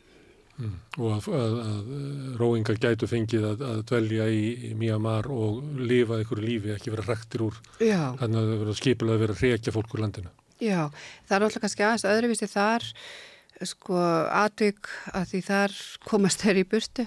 Það er náttúrulega komnir hvað 700.000 yfir til Bangladesh. En þar er farið þorp og þorp og, og kveikt í og, og þar er kannski líka áhugavert, þar er alveg tekið á skari frá dómstölum, því það er sagt, góð strax fyrsta vörd frá Mæmar, hvað er Gambi að skipta sér af þessu þegar hafa enga aðelda þessu máli. Og þá er afdráttalaust af dómstólum þess, þegar við erum að tala um þjóðumar, það varðar alla og hver einasti, einasta aðeldaríkja þeim sáttmála hefur rétt til að fara inn. Svo þeir fóru inn. Og þetta var ekki svona vörd hjá Ísrael í þessu máli að Suður Afrika geti ekki fara inn að því þeir höfðu þetta fordami. En svo er mjög áhugaverð þrón í því máli bara fyrir nokkru mánuðum í nóvember þá komu fleiri ríki inn til að styðja Gambju, Kanada, Þískaland, Danmörk, Holland og fleiri Frakland til að koma inn í það málsókn. Og það sýnir Það svolítið... frekar norðrið, þessi Já, sem að þú telur upp, en svo ef við verum með Suður Afríku, að þeir sem að komu inn í það, það er allt Suðrið. Já, en reyndar á baku Gambíu er alveg 50 ríki, sko. Það er þar, þú veist, það er svona sem stutti þá málsókn. En hérna, en þetta er svona ný þróun hjá dómstólum og svolítið gjör breyti, kannski svolítið þeirra, þeirra alltaf með alls konar mál, en þarna eru konum við svo mikið á svona marrættindamálum út af þeirra fann að leifa þessa aðild í þessum alvarlegu marrættinda sáttmálum. Við erum með núna tvö mál frá ríkjum sem er að fara gegn öðru löndu sem telja brota sáttmála um bann við pyntingar að því þar ertu með þetta lögsu ákvaði. Við erum með nýtt mál þar frá Kanada og Hollandi gegn Sýrlandi. Sýrland hefur einhvern veginn aldrei náð að komast fyrir neitt domstól, ekki sakadómstól og annan. Og þetta er svona þeirra framlag í því að reyna að koma Sýrlandi eitthvað fyrir alþjóða domstól. En það er í þessum málinn sem fara inn á þessum samningum er domstólinn með hendubundnar eins og í því máli geta bara að tala um þá hugstæðlega brot á pyntingasamningnum og í þessum máli sem fara inn á samningu um þú veist bann við þjóðamári þá geta það bara fjallað um það. Og maður les stundum hvað dómarinn sko engjast eins og í málunum Bosnia gegn Serbíu, Króatia gegn Serbíu gætt bara að fara inn á þjóðamarsáttmálunum þá voru dómar ítrekka taka fram þó svo kannski við segjum ekki þjóðamorð það er svo margt annað sem þetta gæti verið brotamannaðalöfum, stríðskleipir en við megum bara ekki fjalla um það Já. þetta er ekki með lögsöguna til þess Já. En ákveður er ekki með lögsuna? Það er þetta samþykki, þá hefur vantað samþykki, það er ekki þetta almenna samþykki frá ríkjunum um að taka, Og það var bara við þjóðamorð. Það, það má enginn hafna lögsu í því, en, en eh, sá sem er sakaður um, eða það ríki sem er sakað um önnu brot, getur hafnað að máli verið tekið fyrir. E, Þú er afsakað, ég er ekki nei, mentor, en ég þú er að veist, að skilja þetta. það er eins og, þú veist, bara dóm, alltaf dómslega hafa gengur fyrir því, þeir hafa lögst yfir öll mál. Bara allt sem er undir hatti alþjóðlega, hvort það sé hafréttur, þetta, viðskipti og annað. En, og allir aðalega samlið þjóðinu aðalega þeim dómstól. En áður að fara að stað með mál, þarftu alltaf að hafa lögsögu. Þú þarftu að hafa samþykki ríkis fyrir lögsöguna. Og áttundu tugur ríki að hafa gefið fyrirfram samþykki að við samþykjum öll mál gegn okkur en bara frá ríkjum sem eru með samskonu yflýsingu. Svo þú ert kannski með svona klúb 80 ríkja sem er tilbúin að fara í það. Og þá koma, auðvitað eru svona bestu málinn, kannski, eða, ég- kannski ekki rétt á orðið, þú ert með kannski alvarlega, eh, stríð eins og í máli Kongo gegn Uganda á sínu tíma fyrir dómstólnum, þá er þau bæði ríki með svona yflýsingar og þegar það, svo deila kemur fyrir dómstólinn, þá geta það fjallað um öll lög, er brot á mannöðlögum, marretindum, þú veist, er glæpi gegn þjóðamorðið eða eitthvað annað. En þegar þú ert ekki með þessa almenni yflýsingar fyrir lögsögu eða samþykki, en þá ertu með eins og þennan samning um bann gegn þjóðamorði Mm. og í þeim sáttmála segir að við deila um þennan samning þá að ríki sem eru aðlega þessum samning fara með málið. Mm. Og Ísrael hefur bara gefið Og þeir, Ísrael er aðlega þessum samning og Suður-Afrika og þar fara þeir inn. Og þú sérð svolítið þetta að fyrða sér svolítið sko Úkraðina alltaf snildarlögfræðinga og þeir fóru bara í lögfræði hernað, má segja, var oft sagt, lofer. Og þeir fóru, eru, ég ekki, fyrir fimm dómstólum, mm. alþjóðadómstólum. Og þeir voru með nokkuð mál, fyrir með þrjú mál fyrir alþjóðadómstólum í hag. Og þetta hefur verið eðlilegast að hefur komið inn það er brot og saka rúsan brot og sáttmála saman í þjóðanum árás. Mm. En þeir voru ekki með lagsögu. Það er, þú veist, rússar er ekki með þessa almennu yfirlýsingu og ekki úgræna heldur reyndar. Mm. Og hérna, en þá fara þær inn á þjóðmásáttmála. Mm. Þá getur dómstallin bara að tala um hugstæðlega brot og þeim sáttmála. Þeir fara inn á samþykjum bann við kynþáttamismunum. Svo fara um fjármögnum hriðiverka. Mm. Þú veist, og þetta er svona, svo hann er svolítið í spennutregi dómstallin þegar hann fær þessi mál. Mm. Hvað hefur Ísrael hérna, sæst á? Er það bara þjóðamór sem að væri hægt að, að, að kæra Ísrael um? Ef, svo ef við myndum bara finna eitthvað annan land sem myndum vera með kæruna, Já. hvað er það sem að... Þá þarf þetta að skoða bara nákvæmlega hvaða sáttmála Ísrael Mm. hefur fullgilt, hvar þeir hafa ekki gert fyrirvari, það er líka heimilt að gera fyrirvari við þessu Mm. lögsu ákvæðu svo framvegis. Okay. Og svo eitthvað ríki sá það sem er tilbúin að fara, en það eins og ég segi nýtt, að önnu ríki sem hafur enga aðkomi beina deilinu Mm. er þá að koma inn.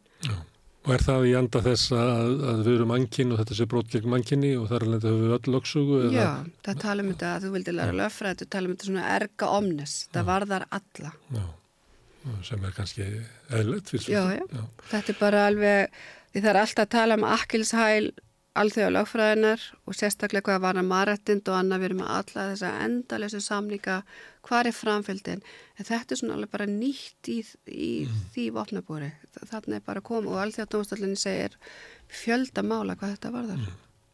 Súður Afrika lítur að hafa þurft að leggja fram einhverja sannanir fyrir máli sínu. Já. Hvað var það sem að... Þeir hérna, málinn alltaf bara rétt í hafið Mm. og hérna, þeir þurfa að koma fyrst með svona bara umsókn og þar leggja fram svona bara grunngögn og þeir náttúrulega að, að það sé hætt á þjóðumar eða það sé hafið eða kvartning til þjóðumars og hérna, og í þessum málum þessu milliríkja deilu, milliríkja fyrir dómstólum, þau taka mörg ár. Það er bara þannig, það eru frestir og það er gríkið ströngsönunabyrði og svo framvegs en þá í þessum upphaflegu skjölu sem kom inn, þá eru ríki að kræfja svona bráðabyrða úrskurðar. Þau vita það er svo langt í efnismæðferðina að þau þurfa að vernda hagsmunni þá sem þeir eru að sækja um hérna, vernd á.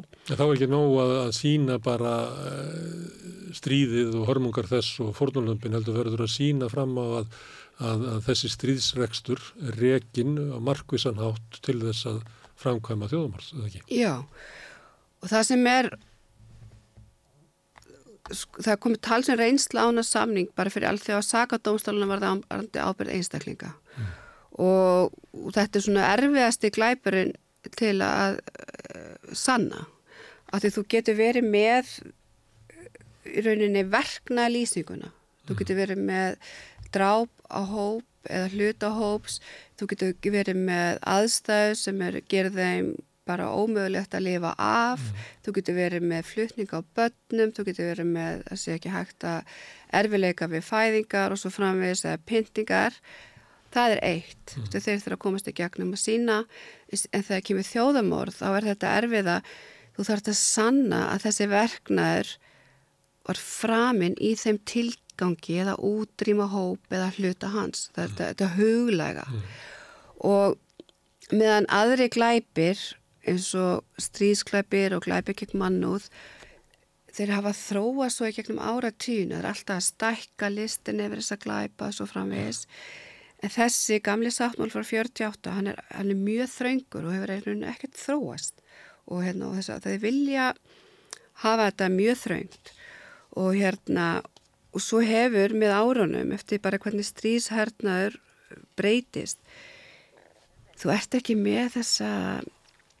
þetta skráningakerfi sem var eins og við þekkjum kannski frá Núrebæk rétturhaldunum það sem þú þurfti alltaf að kalla vitni til. Þetta var Þa, það var allt, það var svo bókaldi var svo gott og núna er þetta verða erfiðar og erfiðar að sína fram á þennan þú, þið tekst að sína fram á stór hópur af þessum tiltekna verða hóp er látin eða þú veist, er í þeim aðstæðum og alltaf þessi verknælýsingar fimm sem er takmarkast við sáttmálan hitt kemur svo erfitt.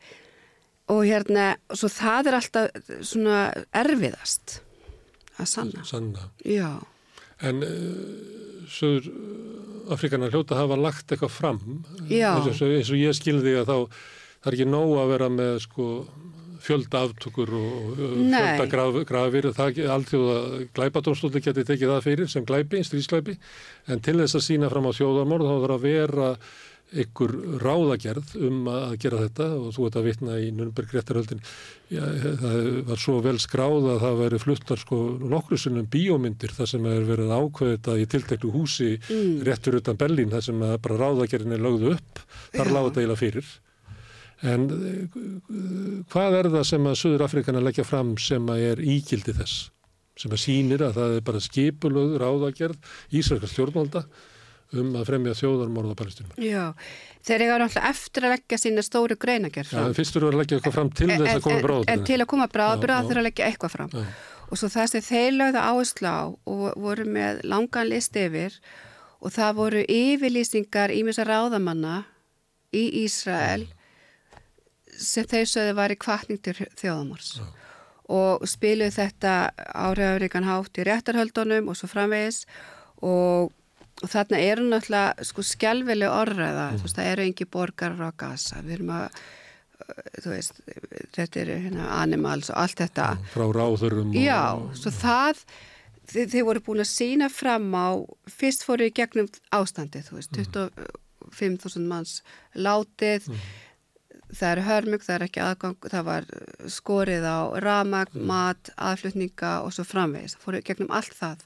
Og svo fóru þeir hérna huglega ástandning og þá gáttu við vísa í allar þessu orðræði og það var svona, það taldi dómarinn, eða dómarinn nóg til þess að fara í bráðabyrðúskur það, og þeir segja alltaf við hefum allt eftir að fara í efnismefrina en til þess að fara í bráðúskur sem er nöðsynlegt, svo er það annar próf hvort sé nöðsynlegt þá þarf að vera mögulegt að það sem þeir eru að segja falli undan hennar sáttmála Það heitir þetta er plausible, plausible test Er það eitthvað að því að þið uh, lögfræðingar eru þurfið að hafa mjög skilgrind hugtök? Já. Er eitthvað flókið við plausible? Er það mögulegt? Gæti ég þýtt það sem líklegt?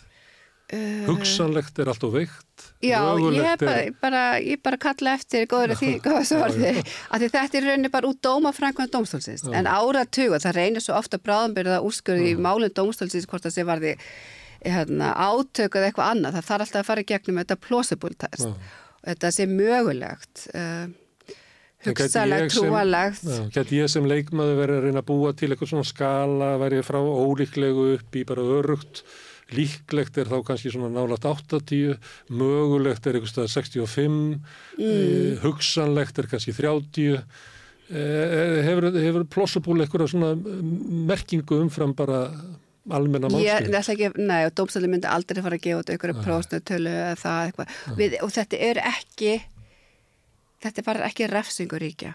Það er ekki til hugtaki refsing ríkja í, þjóðarétti. Það er refsing einstaklinga og þú kemur refsingu einstaklinga þá ertu komin með allt aðra hugtaka notkun og miklu enn er verið sönnubyrð til að fá einstaklinga sakveldanum eitthvað. Við erum að tala um ábyrð ríkja, ekki sakvellingu ríkja.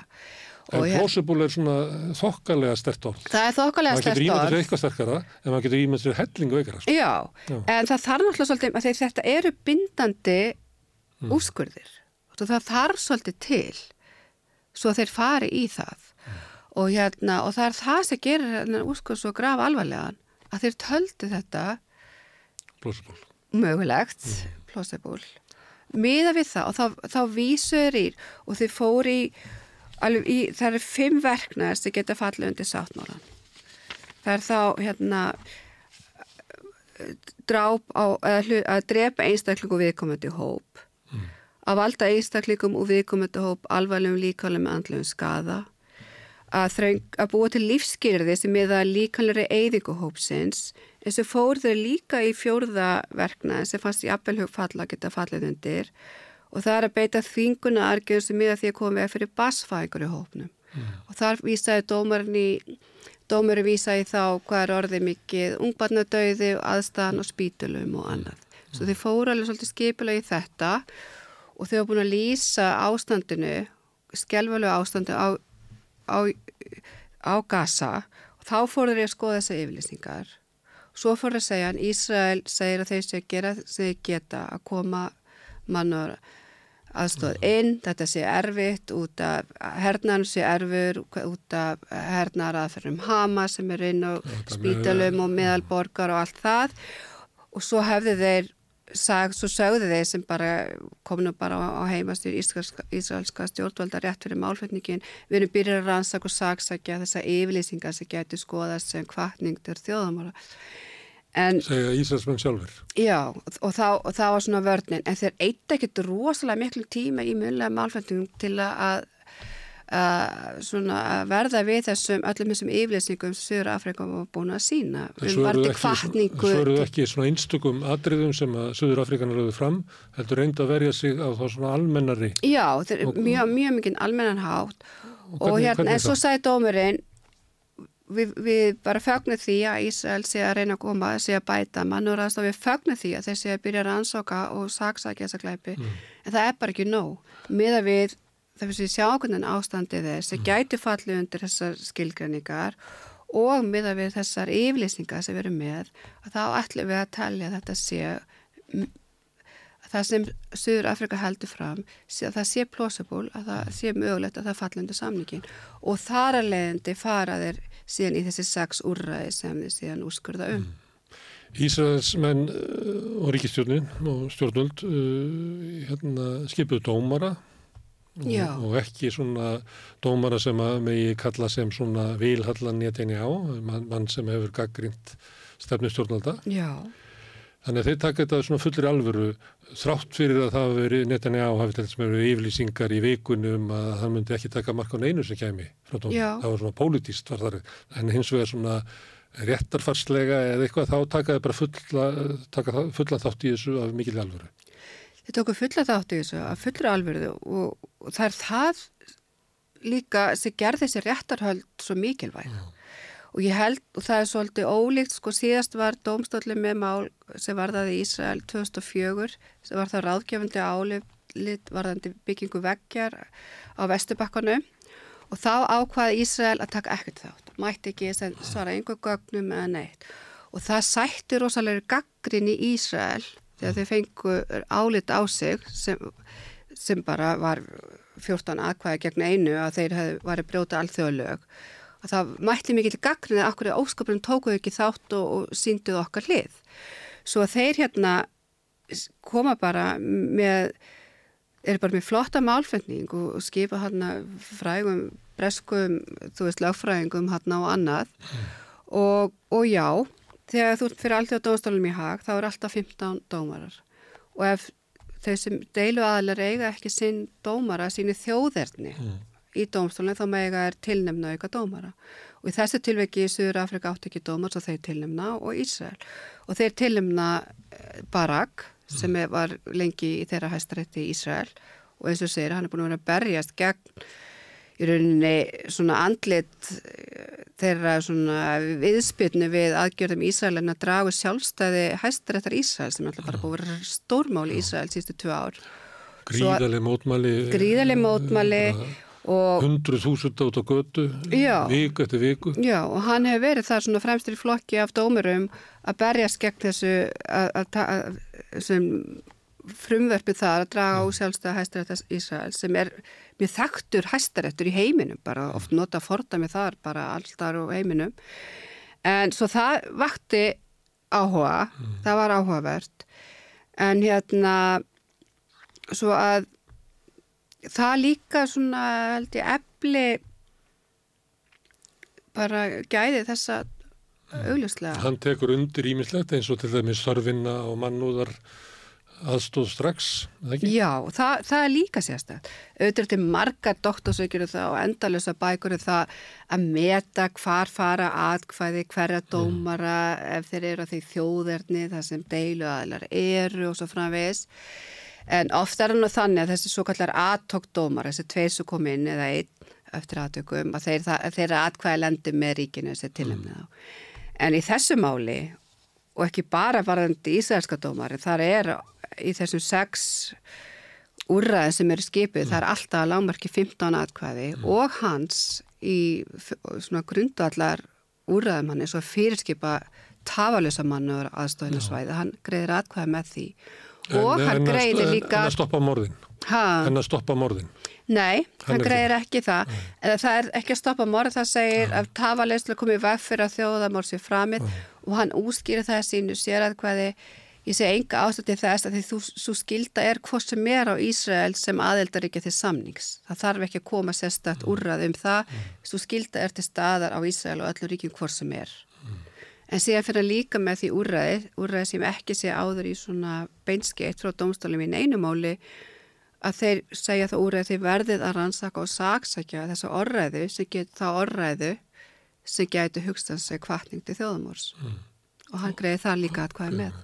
Og hann byrjar sína sitt sér ákvæði á að, að lýsa því yfir hvað það sé eða hryllileg tilugsun að Ísrael skuli vera sakað um þjóðamorð. Já. Í ljósi sögunar. Í ljósi sögunar. Mm. Og hann er mjög personlegur. Mm. Hann lefði sjálfur af helferna og hann lýsti því þegar hann var lítið batn og falin í póka mellir bæjat mm. og, og slapp þannig við útrymmingabúðir. En það var líka svo sem líka upphafsræðan í málflutningi Ísrael, það var mjög stert að þeir að þessi, fára, að þeirra, þessi fáranlega aðstæð að þessi samningur hafi komið til út af helferðinu og þeir séu helstu verndar þessar samningur svo framvegs mm. að þeir séu hérna, mættið til að svara til saka fyrir það. En tilvísunin í, í hérna, helferðina er ólík í vörninni og því sem hann segir. Er ekki að skilja það sem hann segir að, að hann segir að tala fyrir mál margra geðinga út um allan heim sem að finnst þessi staða Íslandsríkis í dag eiginlega óbærileg sko. Jú, jú. Að, að vera tengd þessum glæpum. Já, og svo er bara sagan allt í kringi þessu máli. Sko, sko þetta er Suður Afrika Þa, þetta er ríki þar sem hugtæki aðskila stefna var til á sínu tíma. Og hérna og líka bara saga varðandi aðild mála. Því það var reynd sko á sjönda áratögnum þá reyndi hérna Eþjópía og Líberi að málsokk gegn Suður Afriku til að stöðva aðskilnaðastefnu og þeim máli var hend út af dómstólunum í mjög umdeildum dómi sem þá voru 15 dómarar og hann fór, eða 14 dómarar. Hann fór 7-7 og atkvæði fórsetta þá ræður sem hend út þeim málum og sagði hvað er þið að fara þetta? Þið hafi ekki hagsmunni, þú sér hvað það hefur breyst. Og þau, svo, sá dómur hafiðu áhrif á þjóðarétt bara og lögfræði sko langt fram út fyrir þann ein, sko það dóms niðurstöðu mm. til dæmis við, við höfum samning við höfum svolítið að fara að trakk en hérna mm, en bara eins og á, á þeim tíma var verið að semja sáttmála um borgarlega og stjórnmála réttindi mm. og þar var sett inn lögsu ákvæði til alltaf dómsvölds í hag en út af þeim þeirri dómsniðurstöðu sem, sem var svo mikið gaggrínt þá fór það ákvaði úr draugunum. Mm. Getur ímyndar í dag við hefðum margir þetta sáttmáli lögsögulega alltaf dómsins í haf. Mm. Það var inni í draugun. Það var tekið út út af þessum eina dóm. Og hérna, og það leiti líka til þess að mörg ríki, sérstaklega ný ríki sem voru nýkomið sjálfstæði að þeir fóru ekki fyrir alltaf dómsins í haf í ára tíu og kröðis þess síðar þegar hafrita sáttmáli var samþjóttur að það gerðist nýrdómstall þeir treyst ekki að þá alltaf á dómstólunum í hag. Svo að dómsniðurstöður, svo við tengjum þetta aftur í þessur, það er geta haft ótrúlega áhrif langt út fyrir það, nákvæmlega það efni sem er á borðinni hverju sinni. Úrskurður eru þannig að það eru öll ríki bundir á honum mm. það er ekki bara Ísrael heldur eru þau sem eru að styðja Ísrael sem að þurfa að taka til sín og þá er það kannski fyrst og fremst bandaríkin sem að einhver leiti stuðningu bandaríkina er forsenda fyrir þeirri stefnu sem að Netanyahu og fyrir ríkistöður Ísraels hafa geta beitt. Hvað munir þetta hafa, munir þetta hafa áhrif á, á uh, stefnu þessara ríkja í þessum múli? Já, ég held það. Þannig að mm. auðvitað beinst þessi úrskurður að Ísrael. En við skulum muna hvernig samningurinn er. Mm. Samningurinn um bann við að það er fyrst og fremst líka eins og bara títill samning sem segir að það er að koma í veg fyrir þjóðumorð. Mm. Eftir helferðun átti þetta aldrei að geta gæst aftur.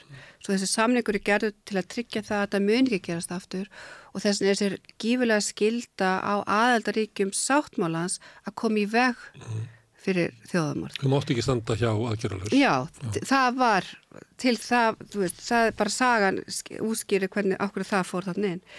Og svo eru við með hérna tólkun alþjóðdómsins í hag hvernig hann tólkar þessu skildu aðaldaríkja að skipta sér af þegar það er hætta á þjóðamorði og það er í máli Bosníu gegn Serbi á sínum tíma mm. og þar var Serbi að tali að hafa brotið á domstólunum út að þeir hefði ekki uppfyllt sína skildu að reyna að koma í veg fyrir það þjóðumar sem átti sér stað í Bosníu, hjá Bosníu, Serbum, það gerðs í Srebrenica. Og og það var svolítið ítarlega það og mjög mikilvæg nýðast að dómsins var þetta tólkun á þessar ábyrð þá fóru að tala um að Serbi hefði ekki framið þjóðamorð en þeir og þá fóru í þessa fyrstu greið sáttmálan sem skildu ríkja að koma í veg fyrir þjóðamorð mm. að þeir sem höfði mikil áhrif á aðila málsins það var ekki ábyrð hjá að gera allt til þess að koma í veg fyrir það en allavega að reyna hvort sem það hefði sem gest, raungest eða ekki og þar með voru þeir talni brjóta sáttmálanum mm. og lögfræðilega og náttúrulega í pólitík er það stór dómur. Svo ég held að þau ríki og sem hafa og ég kannski ekkert ríki verið að afdráta löst með Ísæl hvernig þeirra með hvað hætti þeirra að sinna sínum hernaði. Það segja að þeirra reglulega hvetja á til þess að, að vera með þess aðgerðir en ekki drepa svona marga óbyrtaborgara? Já, núna það og hérna þetta hefur áhrif á það það er náttúrulega bara allir að lúslesa þetta með þetta og það er svona komið svona eins og í fókbalta bara komið gullt spjald mm. Og það, það þurfu allir núna aðeins að posa. En síðan hefur þetta kannski meiri lögfræðilega þýðingu því það eru málaferðli í landsetti það er málflutningur á mándagin í máli í Hollandi varðandi að reyna stöðu að vopnaflutninga til Ísraels. Þetta mun hafa fordæmi skildi þar. Sama dag og þessi málflutningu var í hag Það var málflutningur í bandaríkjunum frá félagsamtöngum varandi frá börnum gegn band, stjórn bandaríkjana að þeir voru orðin hlutild af þjóðamorði mm. í, þú veist, svo þetta þetta fer við það þó svo þetta sé ekki úrskurður. þetta er, ekki, þetta er úrskurður. en, en bara bráðaborðu úrskurður um hérna, efnisæðastuna allt það er eftir og alls svo sönnunafæsla er eftir og alls líkt en þrátt fyrir það, þrátt þá það, til dæmis ef að vera úrskurðum hvort það sé leifilegt að senda vopn til Ísraels að þá liggur fyrir niðurstað alþjóð dómstólsins að það sé mögulegt mögulegt og það er erfitt að samtlíkja vopnaflutninga til land sem að þannig ástandur um. Ég held að þetta hafi gífilega áhrif í slíkum mál. Já.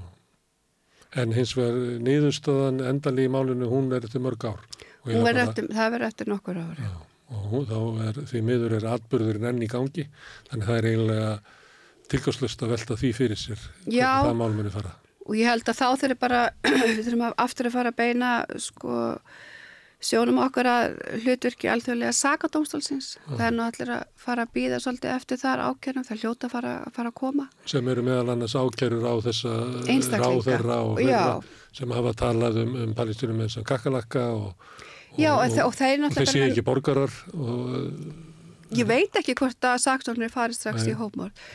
Það er ekki mörg mál hjá alþjóðlega sakadómstólinu varandi hópmór. Saksóknir er forðasta. Mm. Af því þarf þetta sann en að sérstakka ásending. Mm.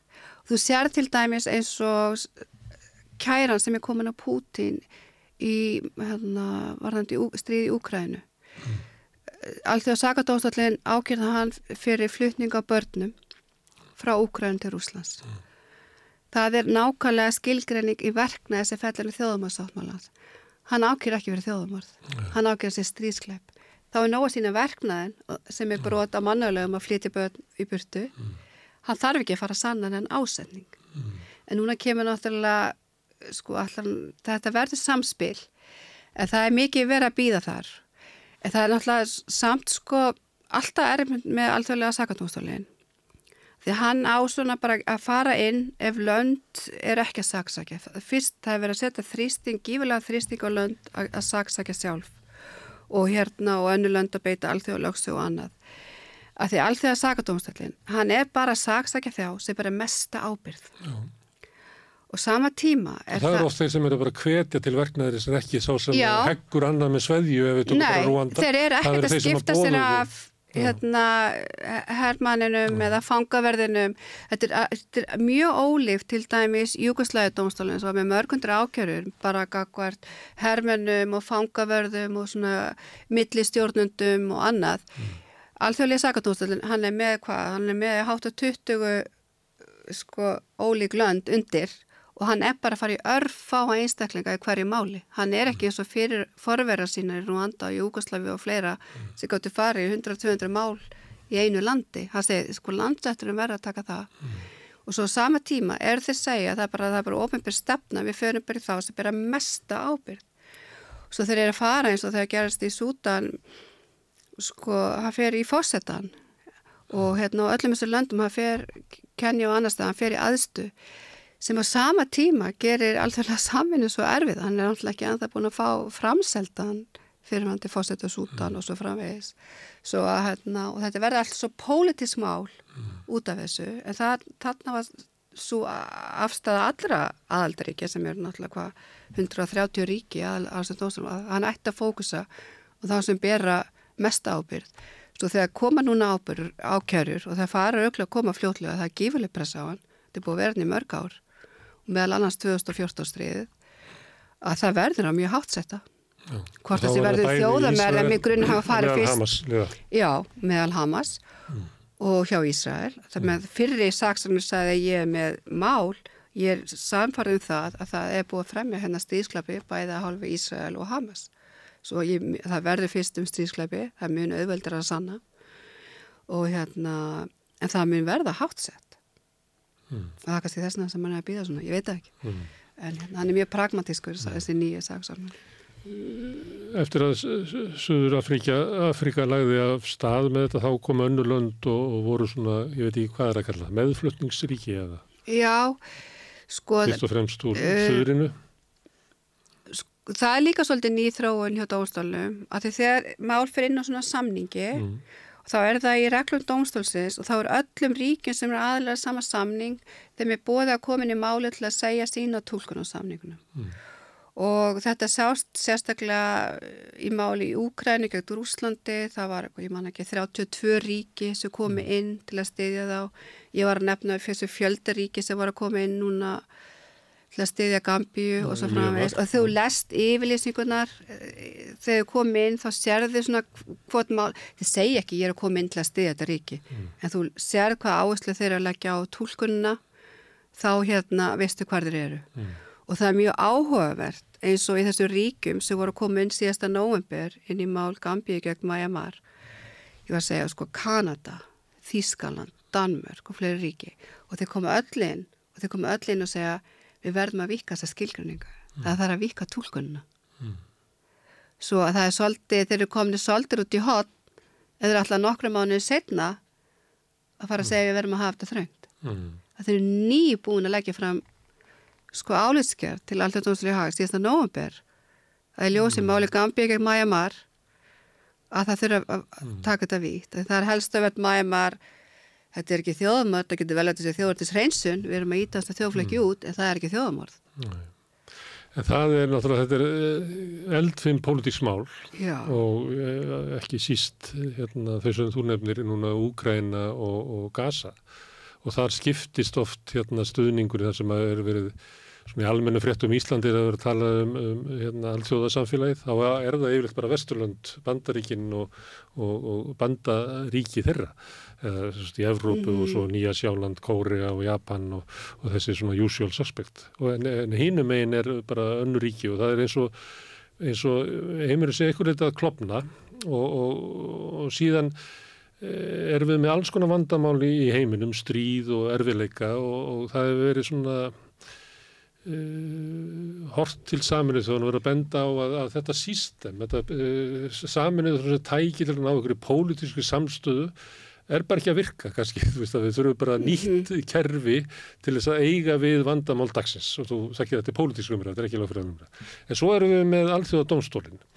Er hann sterkur, er hann að styrkjast þess að fara inn að lögfræðilegu leið? Á sama tíma og kannski einn pólitíski vettangur öryggisráðsins að ég minna þú heitir bara engan í heiminum sem að sko mælir með öryggisráðinu núna, finnst það bara, flestu finnst það að vera bara gagslu stopnum og eiginlega bara til óþurftar vegna þess að það kemst ekkit í gegn út af þessu pólitíska ágrinningi.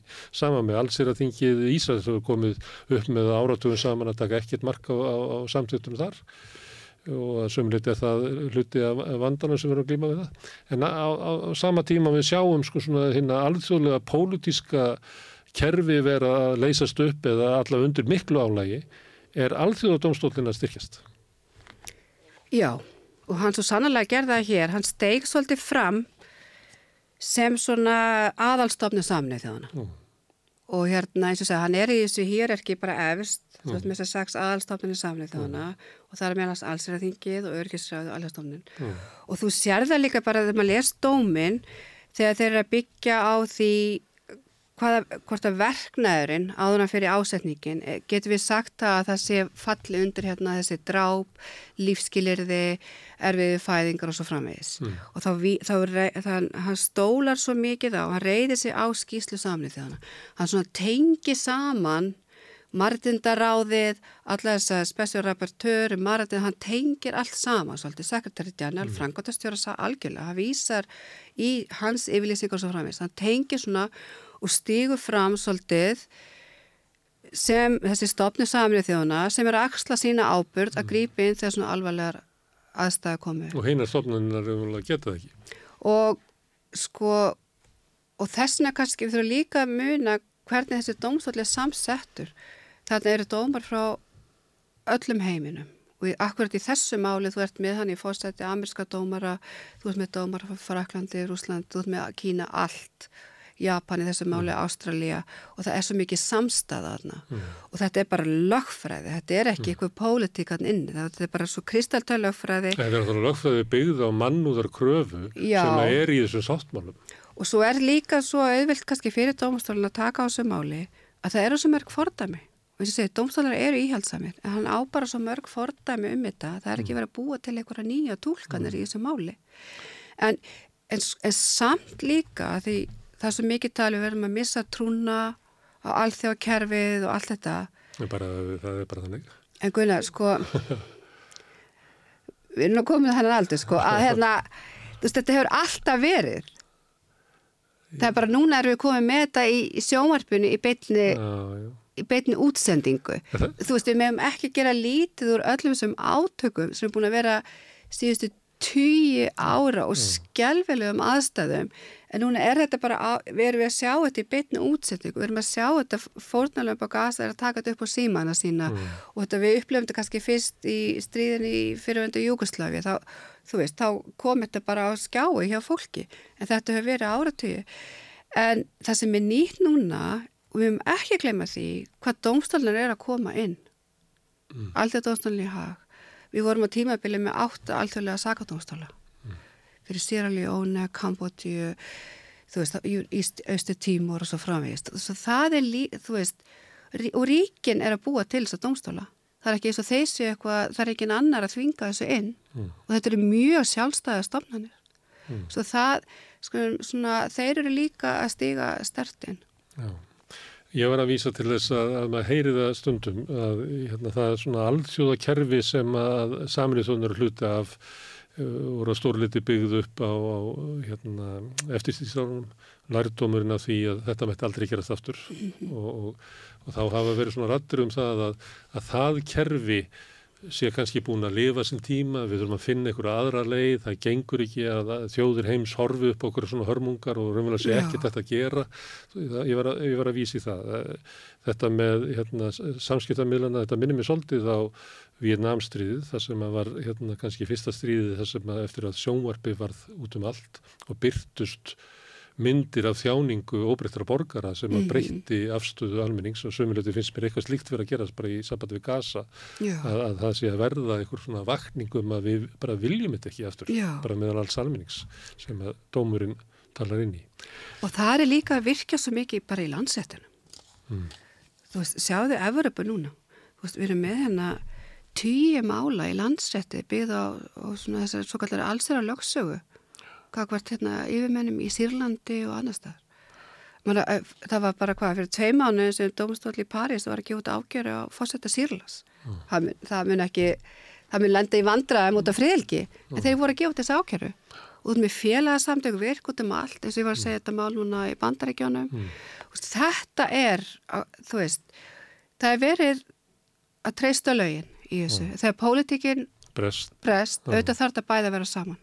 En þegar hún brest, þá er þá fer eins og ég er hér að tala um já, þá er áhuga já. En hérna, það spilast saman.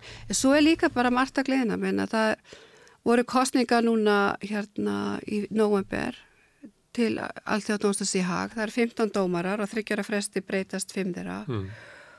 Og það hefur nú alltaf verið þannig að þeir sem er að fastsetja í örgisræðinu hafa alltaf átt dómara. Mm. Og hérna, það breytist nú fyrir nokkrum árum í fyrsta sinn sem breyta kom ekki inn dómara, þeir komur aftur með. En núna mun það gerast, ég margir hvað er að 5. februar eitthvað annað sem breytist núna talsvert. Rússarnir fá ekki. Rússarnir fá ekki. Í fyrsta sinn frá 1920 Mm. eða áður Sovjetríkin, þeir mun ekki eiga dómara. Svo það er svona.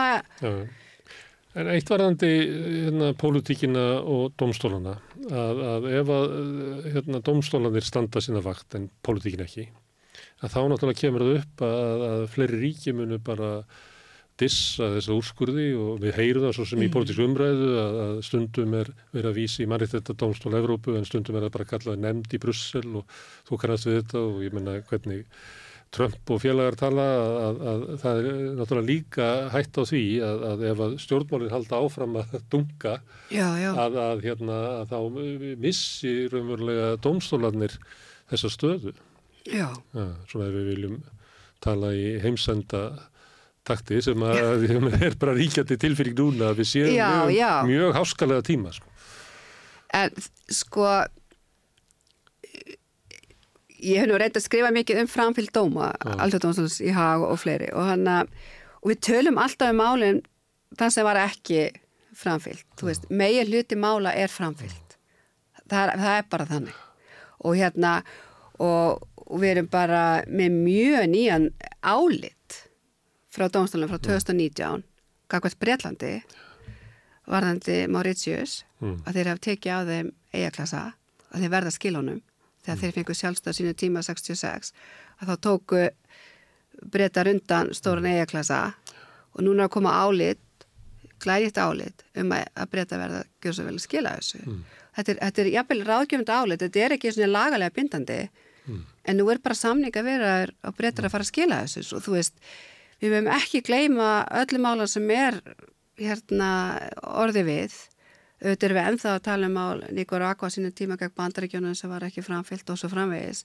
En svo eru öll hinn sko gífurlega hagsmunni varðandi flutning á sko gífurlegu náttúru öðlundum og, og landamærum annað og það, þessu er framfyllt pluss það að þetta þetta er náttúrulega bara topparinn í ísjakonum sem fer fyrir allþjóða dómstólan þetta er náttúrulega mest af þessu útkláð í samningavirðum maður það er stundum líka að minna sig á það og það eins og segir, maður stundum bara allar að missa trúna á allt kerfið. En það, við þurfum líka Ofsnemt, segir þú. það er ofsnemt, tel ég. Það er alltaf vandræði. Er- En- Eitt, eitt varðandi dómin, af því að eina kröfunum var vopnallja og þegar það kemur fram að svo er ekki Mhm. að þá verða margir hérna, stuðningsmenn uh, frelsisbaróttu palestínumanna fyrir vonbröðum.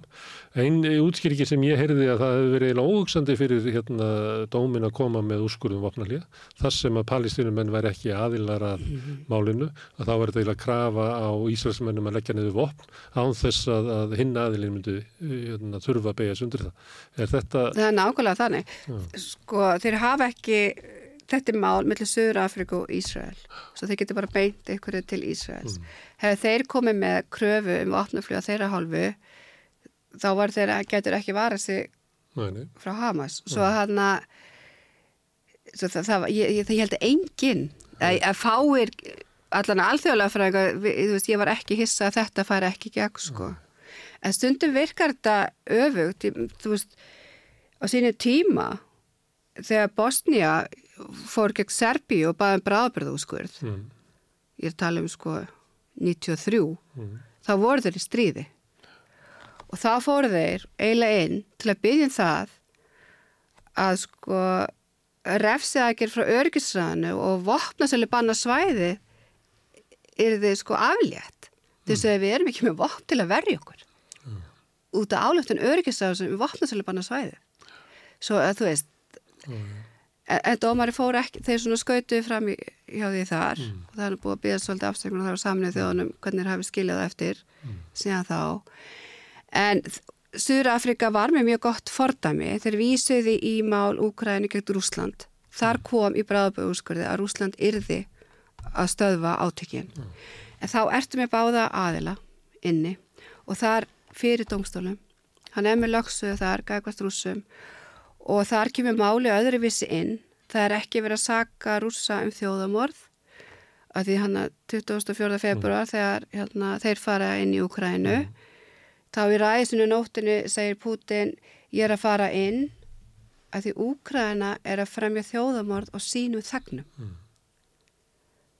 Þú sér hvernig það er öfugt. Já, já. Og hérna, og þá segir dómstallin, það er plausible, það er eiginlega hugsalegt Mm. að Úkræna er ekkert að fremja þjóðamorð á sínum þagnum og þá stóð, og það sem að gáttir farið það, þið verða að stopna, stoppa þessi vopnaátök, mm. gagvast rússum. Svo það, veist, það er, Stjórnafrikar reynda að nota þetta en það er bara aðstæðan er allt, aðildin er svo ólík. Mm. En þetta er uh, merkilegur úrskurður Já, hann er það og og Hann mun er- hafa áhrif. hann mun hafa áhrif. Bæði í lögfræðinni og í politíkinni. Já, og hann kemur bara á mikilvægum tíma og bara það að hafa hennar langa útskurð og hlusta á fórstætta dómstólsins lesa henni klukkutíma um aðstæður á svæðinu.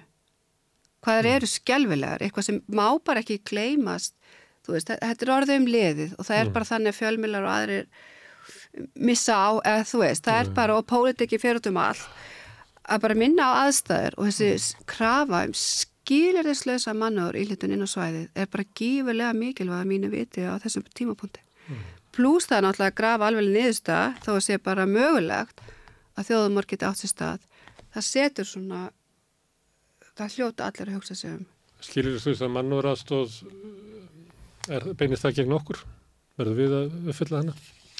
Þe, þeir beinaði til Ísraels, þau að þau þurfa að Já. gera það, en það beinist náttúrulega líka að öllum aðaldaríkju sáttmálans, út af þessari fyrstu grein sáttmálans, um að öll aðaldaríki taka sér að koma í veg fyrir þjóðumorð. Nún er dómstallið búin að segja að það er kannski að hætta því eða er orðið nú þegar, þá hljótu öll aðaldaríki svolítið að, að hugsa bara um. ekki að vera að flytja vopn til... Já, það er alltaf og þá sko að það er mjög hvert einasta lefi. Við ætlum að flytja mat og aðstöðning. Erðu, Þortís, kæra þakki fyrir það að koma hingað, þetta er mjög áhugavert. að, boðið. Fara yfir þetta, að þetta er mikilvægur hérna úrskurður. Er. Sem að tengist máli sem að snert okkur öll. Því að eins og þessu stilt upp að þá er hérna þeir atbyrðu sem að þarna uh, eiga við okkur öll. Því þetta er ef að mögulega, plausible, er þetta brot gegn öllum ekki og þar með tekið þökkur. Kjærðakir. Erðu, þetta eru lokin á Sónum Eils núna þennan sunnundag. Ég þakka öllum gestur sem hafa hinga komið og ykkur sem eru þarna úti að hlusta. Benda ykkur á að þið getur hjálpa okkur að byggja upp samstöðuna með því að benda vinum og vandamunum á það efni sem hér er sem ykkur finnst áhugavert. Þannig byggjast uh, svona dreifikerfið okkar upp. Við erum á Facebook og YouTube, við erum í öllum hlaðvarsveitum, bæði sem samstöðin og svo einstakir þættir. Þið getið hérna, sótt þetta eins og þau viljið þar sem að þið sækið ykkar hlaðvarp. Við erum í útvarpinu á Stór höfuborgarsvæðinu 89,1 á FM þannig að snjált að stilla það inn á, á útvarpið í bílum. Uh, þið sem eru utan þessa svæðis geti sótt út af sendingarnar á spilaran, hann er bæði á netinu spilari.is og svo spilar líka app sem geti hlaðinur í síman og hlustað á, á samstöðun og allar íslenskar útastöður hvað sem er í heiminum. Við erum komin í sjónvarpið hjá þeim sem að fá sjónvarsendingarna sínar í gegnum síman vonandi koma önnur fjarskiptað fyrirtæki á eftir hjá ykkur sem er svo heppin að vera hjá símanum. Þá eru við nummer 5 á fjárstýringunni. Þeir sem vilja hjálpa okkur við að byggja upp samstöðuna eh, geti gert áskrifundur þá farið inn á samstöðun.is það er nappur sem ástendur áskrift. Það kostar 2500 krónur að vera áskrifandi á mánuði sem er ódýrast áskriftin í dag. Allt og látt er mér sagt með við að efni sem við búum til. Því sem að viljið geta borga meira og því sem að kjósið geta láta áskriftin að renna sem félagsgjöldin í alltíðufélagið og það er alltíðufélagið sem á og rekur samstöðuna. Allt efni sem að þið sjáuð hér og heyrið er í bóði áskrifinda og við þökkum þeim kærlega fyrir hjálpina. En þetta er lokin í dag. E, Rauðaborði verður hér á morgun klukkan 8. Sjáumst þá en e, bara njótið helgarnar eða það sem eftir er aðvinni. Takk fyrir í dag.